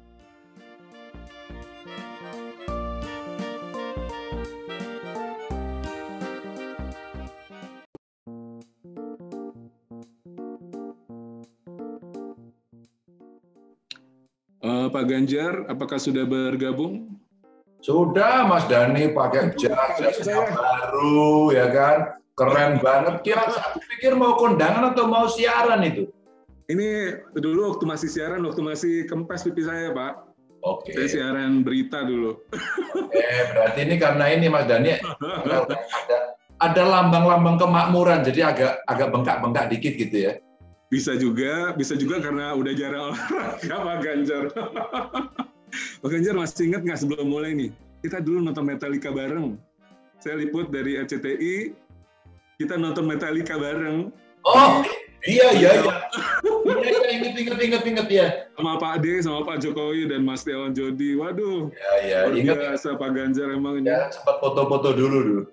iya, rambutnya aja masih putih tapi jiwanya muda nih Mas. Makanya di webinar ini kita dari tadi nungguin Mas Ganjar nih. Teman-teman mana Mas Ganjar gitu. Kita ingin dengar paparannya. Jadi tadi kita sudah mendengarkan Pak Ganjar dari Kominfo, Pak Boni cerita mengenai bagaimana Kominfo sekarang mencanangkan upaya untuk uh, seribu startup kurang lebih tadi ya untuk meningkatkan kreativitas dan kemandirian mahasiswa. Ayo gabung. Mas Adam sebagai salah satu contoh startup juga yang uh, sukses di dunia games. Nah, saya baca research banyak sekali kegiatan yang dilakukan Pak Ganjar nih. Setelah terakhir kita ketemu di Senayan, kegiatan lapak Ganjar dan lain-lain, saya lihat, wah sepak terjangnya luar biasa teman-teman di Undira juga banyak yang punya startup dan UMKM Pak Ganjar. Banyak pertanyaan nih udah numpuk. Nungguin Pak Ganjar dari tadi. Terima kasih. Sebelumnya tadi Mas Adam dan Mas Boni kita beralih. Sekarang sudah hadir tamu istimewa kita. Uh, teman saya nonton konser. Pak Ganjar saya persilahkan waktunya Pak. Terima kasih. Oh ini ada forum chatnya ya Mas Dani ya? Ada Oke, okay, saya mau sapa dulu dong kalau gitu dari forum chatnya ya, boleh ya Mas Dani ya? Boleh, boleh, silakan Pak Ganjar. Oke, teman-teman semuanya, Assalamualaikum warahmatullahi wabarakatuh. Selamat siang, saya doakan uh, sehat-sehat semuanya. Wow, udah pada nulis di forum chat. Emang teman-teman kita ngobrol di sini, teman-teman pengen tahu apa sih gitu ya? Biar nanti saya nggak keliru. Udah kita ngomongnya banyak-banyak sama Mas Dani, saya keliru lagi. Oh, dari Banyumas, oke. Oh, Tegal, rakyat saya. Eh, teman-teman dan kawan-kawan dari Universitas Dia Nusantara tentu saja saya senang sekali uh, apa namanya pengen ngobrol. Tapi kira-kira kalau hari ini kita ngobrol, Anda pengen ngobrol atau pengen tahu tentang apa sih? Boleh ditulis nggak di situ? Boleh nggak? Halo, halo yang mendengarkan saya. Kira-kira kamu pengen ngobrol apa sih? Pengen tahu apa sih gitu ya dengan saya? Kalau iya silakan Anda tulis. Oh, salam dari Palembang. Oke, dari Kebumen. Wirausaha Pak. Oh, Heru pengen wirausaha. Ini kayaknya Heru udah rindu sama uang ini. Eh, tim pemburu preman. ini pasti ikut obrolan saya. UMKM Pak, good. Oke. Palembang apa kabar? Kegiatan Bapak. Kegiatan saya, kegiatan saya ya ngurus COVID. dari Batang. Oke, mau tunggu. Oke, dari Bekasi Ya, kalau kira-kira Anda siap-siap tanya sama saya, hai para pendengar, oh, pendengar radio, hai para penonton, oh emang TV gitu ya. Kira-kira Anda ketemu saya mau nanya apa kira-kira? Coba saya pengen tahu dulu. Kalau mau tanya, tanya apa sih kira-kira? Silakan. Bagaimana menjadi milenial yang kreatif dan inovatif? Ya tinggal kamu buat karya aja, nggak sulit kan? Itu kira-kira kalau kita sekolah dulu kayak apa sih? Kayak mengarang, kayak mengarang. Oh tadi kan ada contoh yang bagus banget Nanya banyak Pak, nanya yang jelas, nanya kok banyak. Pandemi bagaimana, terus UMKM di masa pandemi seperti apa, Apandi, ada Sri Rate, Kris Tanti Agustina, eh, membahas sedikit tentang kampus merdeka dan kaitannya dengan bisnis. Oh, kampus merdeka keren loh, kamu dampingin aja UMKM, itu udah konkret. UMKM itu ntar persoalannya adalah marketingnya bagaimana, akses modalnya bagaimana, eh, terus produknya dia bisa dijual nggak ya di pasar Bagaimana ngetes di marketing uh, di pasarnya? Oh, itu UNTT. Cara menjadi orang sukses. Ya ilah, siapa ini? Jangan, jangan orang sukses itu seperti apa? Kayak Ganjar, belum tentu sukses kayak apa, tergantung lihat. Mas Dani, kayak apa? Belum tentu, belum tentu. Jadi dirimu sendiri, oke enggak sih? Dan ya, penilaian jangan sukses itu apa sih? Dunia, materi, tapi sombong, kamu bantu teman, ya sukanya bully, buat saya nggak sukses, stres itu orang gitu kira-kira. Jadi bikin yang asik ya. Di masa pandemi tadi apa itu? Bagaimana menjadi milenial, eh, sharing cara tetap produktif di masa pandemi, Ita Arianti. Eh, di masa pandemi mah banyak orang yang kreatif banget. We're Genius itu ngarang lagunya di masa pandemi dan boom, lagunya latih dan react-nya banyak sekali di YouTube jadi justru selagi pandemi daripada kalian rebahan tiap hari, Anda baca buku, Anda lihat YouTube, Anda kemudian mengekspresikan talenta, itu baru. Dalam masa pandemi saat ini, pemerintah sangat memperhatikan para pelaku UMKM dengan cara dana pemberian bantuan sosial UMKM. Tidak terkecuali mahasiswa yang memiliki beasiswa UMKM. Namun masih banyak pelaku BDSUM yang bisnisnya berjalan tidak lancar dan akhirnya gulung tikar bukan karena kekurangan modal, tapi karena bisnisnya sepi. Diramein aja. Gimana cara ramein? Kamu harus cerewet. Di mana kamu cerewet? Di medsos, kira-kira gitu. Terus kemudian jika ada jika ada apa strategi pemerintah dalam menumbuhkan kreativitas dan semangat untuk para mahasiswa dan berwirausaha. Tadi kan eh, apa namanya narasumber pertamanya ya Mas ya, tadi sukses ya Mas Dani ya. Itu kan apa yeah. startup ya. Startupnya apa sih tadi? Tadi games, uh, Mas Adam, iya. Mas Adam itu bikin games. Games itu industri kreatif nggak bisa dilawan. Saya pernah nanya nih sama orang tua orang tua, ibu anaknya besok pengen jadi apa bu? Tentara, polisi, dokter kan biasanya gitu ya. Jadi gubernur gitu kita tawarin. Ternyata iya pak jadi PNS, jadi PNS. Bu nggak pengen bu anaknya jadi youtuber. Youtuber Pak Ganjar, Emang jadi youtuber ngapain? Yang bayar siapa? Gitu. Baru kita kita kasih tahu. Itu Deddy Kobusier itu jadi youtuber. Atta Halilintar jadi youtuber. Ibu tahu nggak pendapatannya dia? 10 miliar bu sebulan. Oh iya iya kalau gitu mau. Ini kayaknya ibunya mata duitan deh. Itu. Jadi proses kreatifnya teman-teman banyak yang nggak nggak tahu. Masuk daerah Jawa Tengah apakah harus menggunakan SIKM? Enggak. Gitu. Kapan berkunjung ke Jawa Timur? Tar, Pak Citan. Di masa pandemi gini ada nggak keringanan buat mahasiswa buat bayaran. Romli, Romli, kamu tanya sama rektornya, gimana cara personal branding yang tepat, Pak? Belajar, positioningnya ada, kamu bikin yang kira-kira rakyat setuju, masyarakat setuju, dan pada saat itu harus ada tesnya. Tesnya itu untuk feedback. Gitu. Ini kan langsung tanya jawab begini, terus kemudian saya kapan paparan? Udah saya paparan aja deh. teman-teman saya mau dongeng ya, nanti obrolan-obrolan itu mancing aja bahwa teman-teman ternyata punya kegelisahan di banyak hal. Nah, apakah cukup bisa menceritakan paparan saya ini? Nanti kita lihat uh, sesuai apa enggak gitu ya.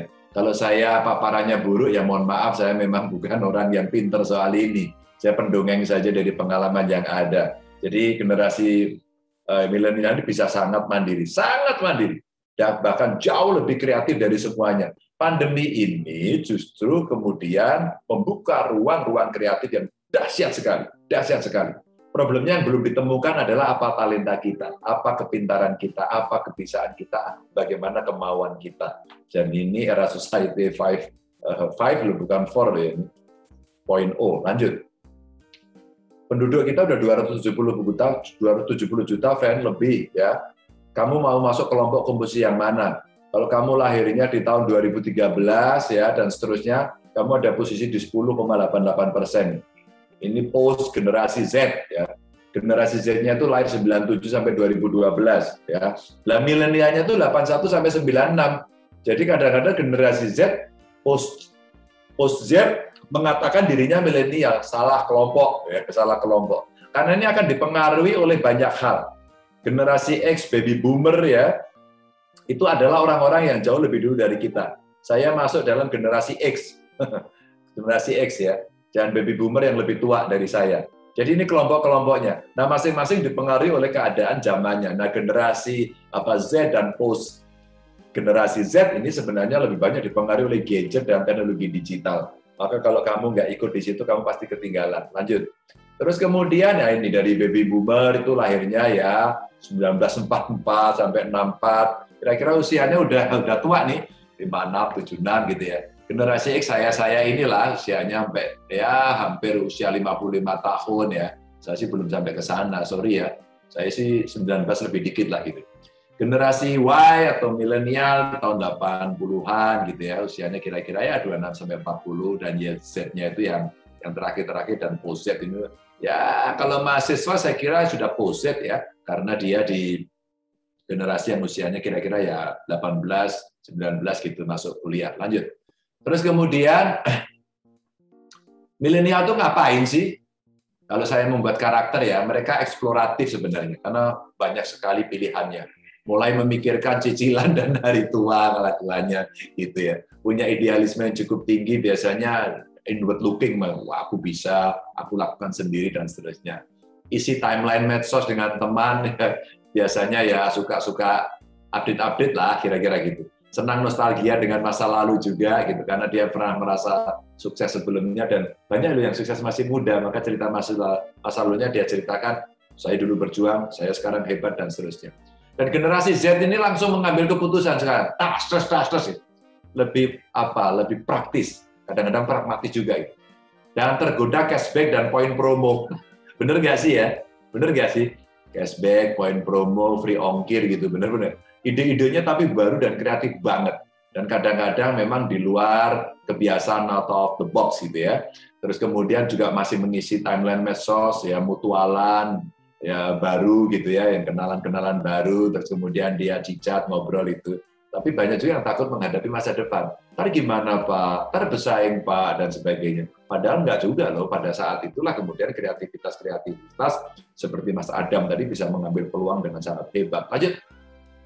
Nah, ini potensi pekerjaan yang akan lahir ya, teman-teman semuanya pada tahun 2030 ini di era-era yang mulai sekarang sampai berikutnya itu era yang orang sebut sebagai bonus demografi. Ini kurang lebih ada 50 juta pekerjaan baru yang berbasis teknologi.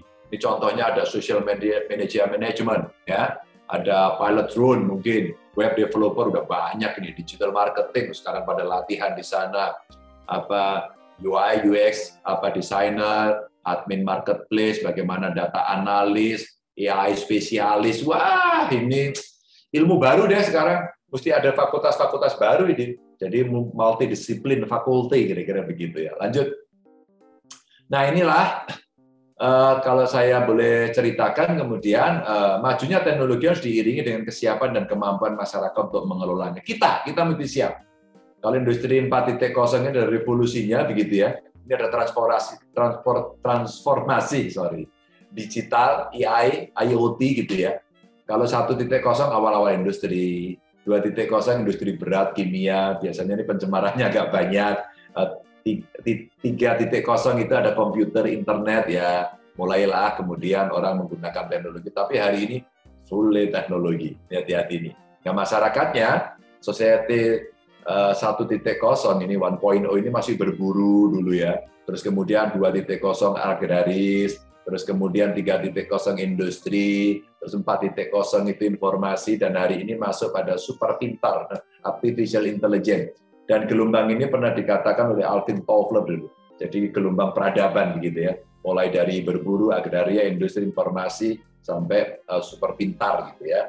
Dan dulu itu mulai ditemukannya api, ditemukannya roda, ditemukannya bank, itu terjadi situasi yang turbulence, luar biasa. Dan sekarang ditemukan teknologi informasi nggak turbulen lagi. Udah muternya ke mana-mana nggak karuan. Jadi artinya tiba-tiba ada sekian profesi hilang dan banyak profesi baru masuk. Saya nggak kepikiran tuh orang bisa ngapain ya produksi game. Ternyata industrinya bro luar biasa. Ada nggak yang pernah ngitung? Ada nggak berapa sekarang kekayaan uh, pemilik Zoom ini? Ada nggak? Kenapa kita nggak buat sendiri coba? Kenapa kemudian lebih hebat daripada Google Meet umpamanya? Itu menangkap sebuah peluang dan menjadi bisnis baru yang dahsyat. Lanjut. Terus kemudian, nah inilah saya kemudian ngobrol-ngobrol tadi, UMKM bagaimana bertahan? Saya kumpulin anak-anak muda. Ya saya yang masih konsisten dengan rambut putih, kelihatan kan dia di foto. Jadi kami mendorong bagaimana uh, uh, co-working space itu bisa menginisiasi dan ada gedung kantor jelek itu saya bangun, saya rubah jadi bagus. Kita isi anak-anak muda dan Anda lihat mereka pakai kaos oblong ya, terus kemudian baju nggak dikancingin, desain-desain bajunya juga aneh-aneh, maka ini kreatif banget dan saya senang. Di sana bisa pelatihan, kolaborasi, ada komunitas, ada bisnis, dan ada anak muda gitu ya. Dan di sanalah kemudian mereka berkumpul, membuat startup, nanya kiri kanan, dan lihat kan di meja-mejanya isinya apa itu? Ada analis, dia praktek, ya, komputer, basis gitu. Itu, ini visual, ini beneran mau main ke Semarang, saya tunjukin di sini. Anda mau sharing, Anda bisa jadi narasumber. Dan di sinilah kemudian orang-orang terinspirasi dan saling memotivasi untuk bisa tumbuh, termasuk startup ya, friend yang Anda tadi nanya-nanya, Anda memulai itu oke. Lanjut.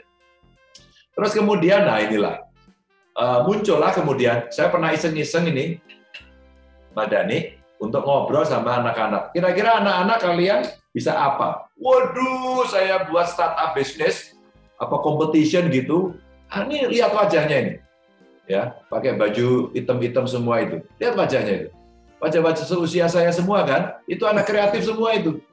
Ada namanya Komerse. Ini memberdayakan SDM di desa terlatih dengan e-commerce di Purbalingga. Juara dia. Ada di Boyolali ini. BS Fly. Ini mengubah sampah jadi rupiah melalui lalat untuk pakan ternak. Dia yang membuat. Dan itu betul-betul berbasis uh, apa realitas konten-konten masalah-masalah yang ada di lokal. Bayangin nggak? Di lokal yang dulu merasa dia harus ke kota, dia mesti meninggalkan kota, hari ini dia ngerti problem desanya dengan teknologi, dia ramu jadi satu, dia berkumpul, dia diskusi, dan dari desa dia bisa seperti ini. Ini contohnya yang saya senang banget dengan mereka. Lanjut. Nah, terus kemudian gini, jadi waktu itu lomba-lomba itu kita bikin, saya fasilitasi, kita kasih hadiah. Jadi ada total dari jumlah yang mendaftar kira-kira 2.188. Banyak ya. Padahal mau saya ambil tiga aja sebenarnya yang the best banget gitu. Terus kemudian ada 437 eh, yang diseleksi dan 20 tim mewakili dari berbagai bidang, ada pendidikan, pariwisata, logistik, transportasi. Terpikirkan nggak sih oleh kita ternyata ketika mereka ikut berlomba ternyata mereka sudah mengklaster dirinya sendiri. Ada yang di pendidikan, pariwisata, logistik, transportasi. Waduh, itu yang terinspirasi bukan teman-temannya, gubernurnya itu. Saya bilang, ya Allah, luar biasa. Ini generasi Indonesia yang tugas pemerintah kemudian to facilitate, memfasilitasi saja agar kemudian mereka bisa boom berkembang dengan segala talentanya. Kalian ada, kalian bisa. Kalian bagian dari mereka, bukan saya. Saya masih gagap-gagap juga. Tapi begitu saya dijelaskan cara mereka bekerja, wah, di luar yang pernah saya pikirkan. Lanjut. Nah, ini kemudian kerja-kerja mereka bisa dilihat secara visual. Ada memasangkan UMKM generasi X dengan pemasar digital generasi Z. Wah, ada pembuatan oh, buku motif modifikasi batik tulis. Ya ini dari Lasem ini keren banget. Dengan website mereka masuk dikawin-kawin ini persilangan. Tapi bukan selingkuh loh ya ini persilangan gitu ya. Ada juga yang mendorong anak muda menyelesaikan masalah di Jawa Tengah dengan teknologi. Mereka mendapatkan apa challenge. Wah luar biasa. Dan mereka meresponnya dengan dahsyat. Yang tidak mampu kurang baca nggak pernah diskusi kurang piknik pikniknya kurang jauh pasti melihat dunia itu penuh masalah dan saya bukan bagian dari itu maka saya lemah besok saya ngebully, besok saya memaki-maki dan menyalahkan orang. Tapi buat mereka yang sering diskusi, sharing, kolaborasi, mereka menangkap, ah ini peluang saya. saya bisa kerjakan itu. Ya, ini contoh-contoh saja. Ada UMKM, pariwisata, logistik, pendidikan, kesehatan, mereka semua uh, apa kumpul-kumpulkan.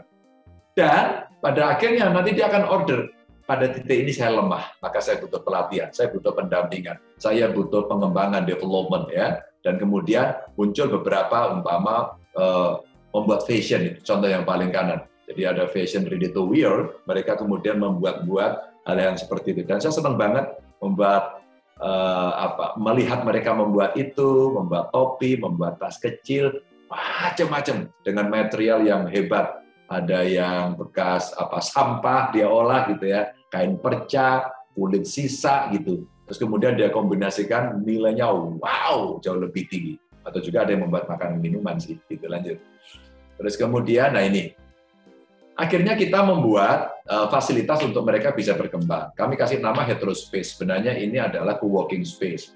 Lumayan sudah ada 19.247 peserta ya dan pernah uh, kita lakukan pelatihan sudah sampai 324 kali dan program yang telah dilaksanakan ini program UMKM yang layak seperti apa? Wah, dinilai oleh teman-teman pakarnya, pengalaman yang yang punya pengalaman kita dudukkan di sana untuk menilai ada program hetero for startup. Maka tadi ada yang mau nanya ya, bagaimana Pak kalau kamu masih baru? Tanya dong ke sana, tanya gubernurnya nggak ngerti. Gitu. Saya fasilitasi aja, kamu ke sana. Ada program magang UMKM bersama vokasi magang. Kenapa? Biar dia tahu, dia bisa mendalami. Jadi dia bisa mendapatkan soul-nya kalau berbisnis seperti apa.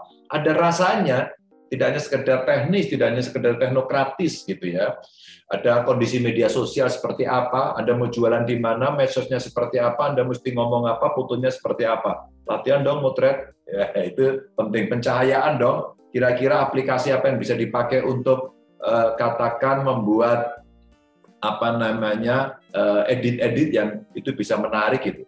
Atau barangkali ya partnership dengan beberapa kampus yang ini kita libatkan agar kemudian tidak menjadi menara gading dan bertemu termasuk Universitas yang Nusantara saya kira bisa membuka ini dan itu keren dan saya aku yakin pasti di sini uh, itu sudah terjadi. Lanjut. Terus kemudian ada beberapa PR ya permasalahan yang kita coba himpun ya, dari digitalisasi ini perlu modernisasi industri, marketing online tadi saya ceritakan, pembayaran non tunai gitu ya, sehingga UMKM itu merasa nyaman dan dia mesti mengerti bahwa dia harus pindah pada dunia baru.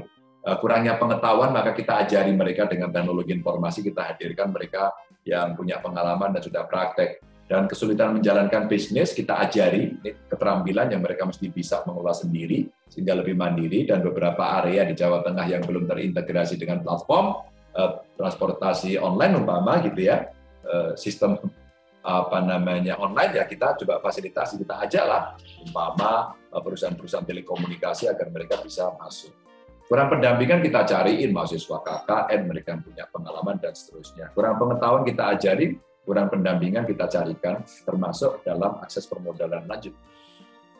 Bapak Ibu teman-teman, saya mau berhenti di sini agar kemudian yang sepintas ini memantik, memancing agar ada keresahan di antara semua yang ikut webinar. Kalau resah pasti Anda bertanya dong, paling-paling akan dibayang-bayangkan kalau itu saya kira-kira bagaimana. Itu kira-kira Mas Dani Mudah-mudahan menginspirasi. Pak Ganjar.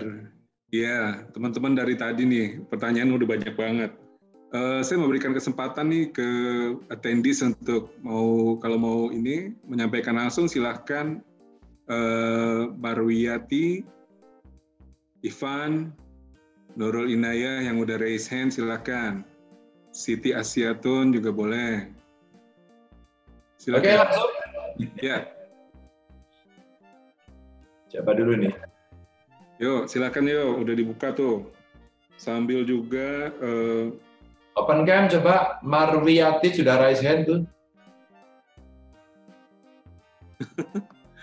oh belum, coba coba minta galeri.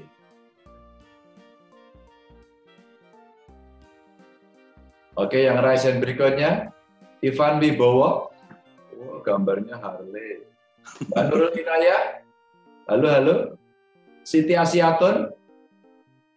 Ini yang bertanya saya takut mas. Ini orang beneran atau hantu nih? iya nih padahal udah saya Oke, kalau kan kita lihat dari forum chat aja ya. Boleh, silakan Pak. Yohanes Ardian, lu mau tanya? Kalau tanya open cam ya. Pak Ganjar passwordnya, password naon. Bagaimana berinvestasi bagi kaum milenial agar tetap cuan di tengah pandemi meski di rumah saja. Pun Maulana, saya tidak saya tidak pintar ini. Kamu bisa konsultasi, ada di Google, ada di YouTube, tapi kalau kamu bertanya, sebenarnya banyak kok tempat-tempat uh, di setiap kota-kota itu yang punya semacam co-working space itu tadi, ya. Terus kemudian Anda bisa bicara. Tapi kalau mau investasi sih ada banyak sekarang investasi dulu orang beli tanah. Kalian nggak punya kan kalau beli tanah pasti mahal ya. Atau beli emas, emas juga masih mahal. Kalau kamu mau aman ya nabung-nabung aja.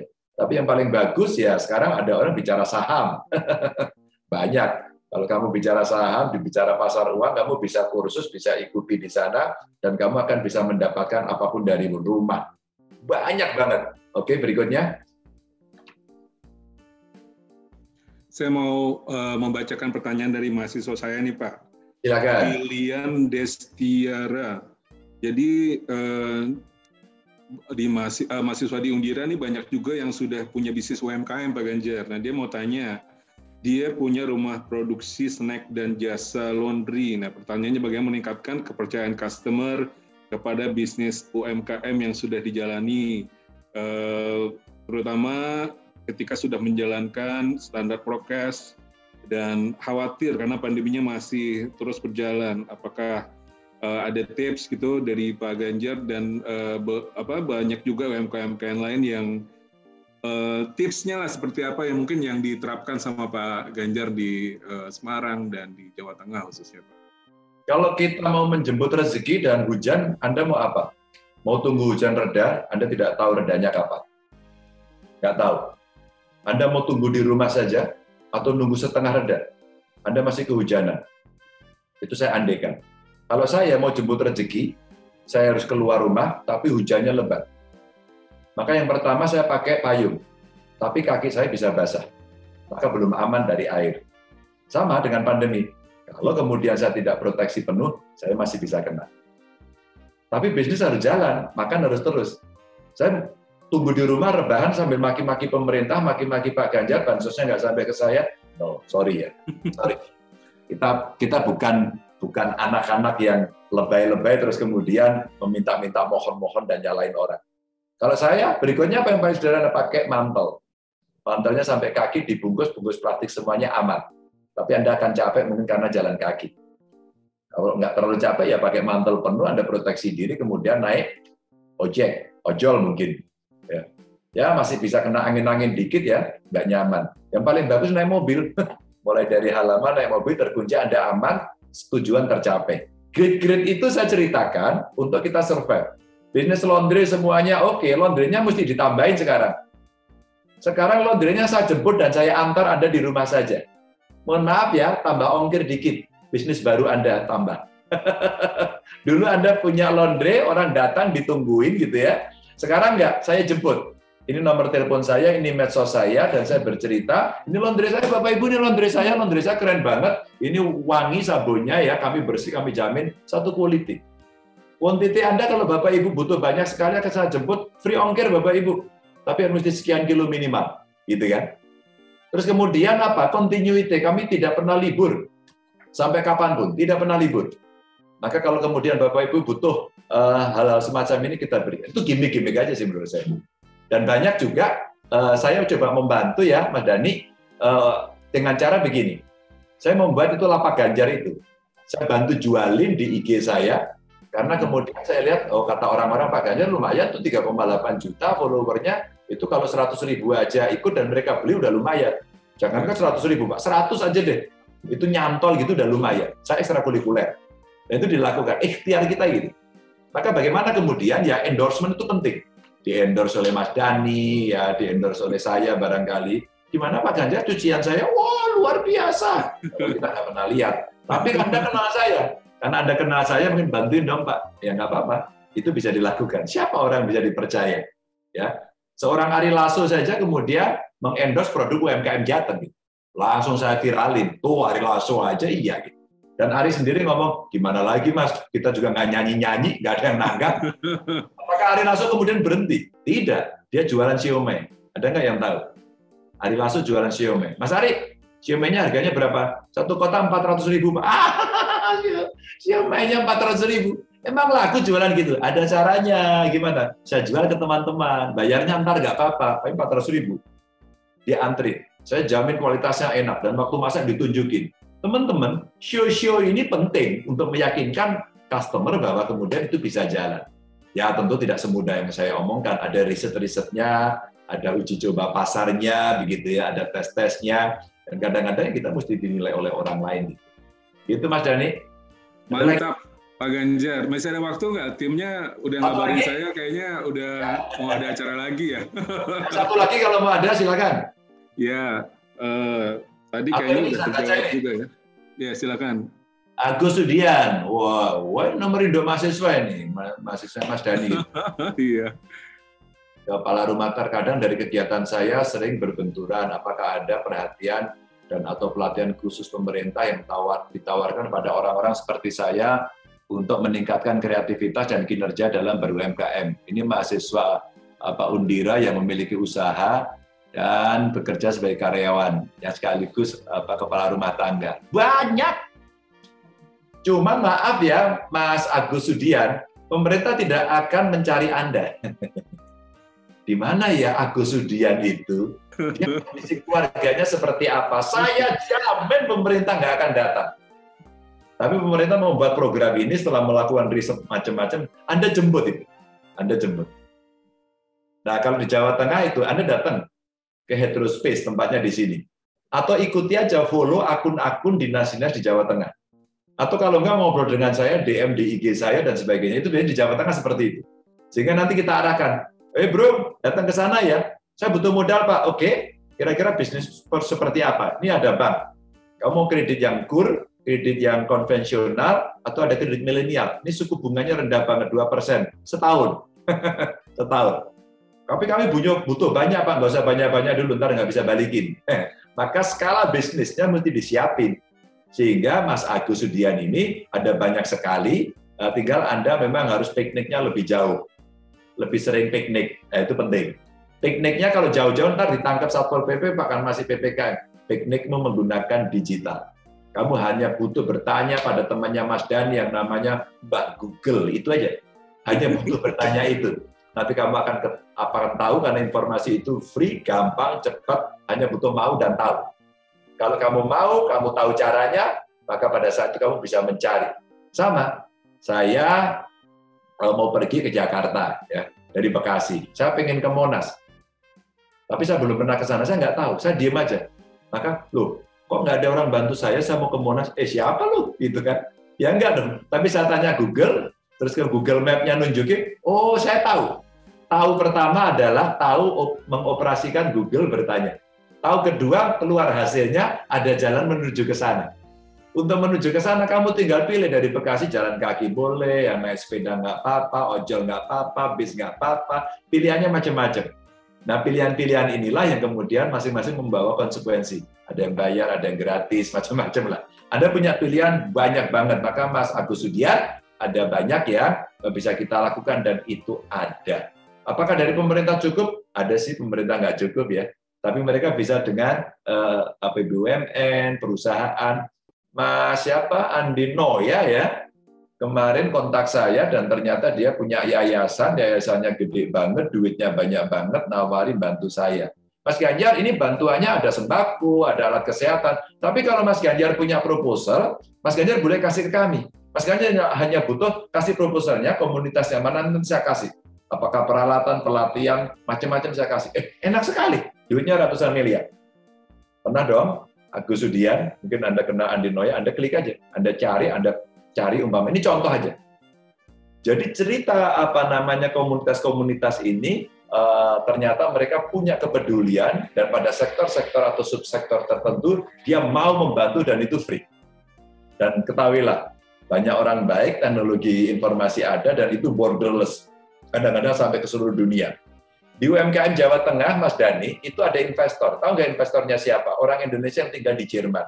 Kurang kerjaan kan? sekian euro orang di, uh, duit dikumpulin, terus kemudian ikut invest, invest, bukan nyumbang. Jadi komunitas masyarakat Indonesia yang di Jerman dikumpulkan, tidak semuanya sih beberapa, terus kemudian sekian euro dikumpulin, terus proposalnya dari Jawa Tengah di ada sih yang nganterin gitu dengan dengan dengan uh, teknologi informasi. Nah, cocok ya invest. Ini kita kontrol dari sini. Gitu. Dengan cara-cara itu sekarang dunia semuanya bisa. Mereka kenal tidak? Kirimanya euro, datangnya rupiah. Kenal lihat duit euro? Belum, Pak. Eh, ini duitnya sebenarnya euro ini tapi sedemikian cepatnya saja menjadi seperti itu. Jadi ada banyak cara, mudah-mudahan Mas Agus bisa mencoba. Mas Dani terima kasih ya. Mudah-mudahan bisa memberikan cerita kepada kawan-kawan semua. Terima kasih banyak Pak Ganjar atas waktunya. Semoga sehat-sehat selalu, kelihatan begitu energik, kita semua ketularan energiknya.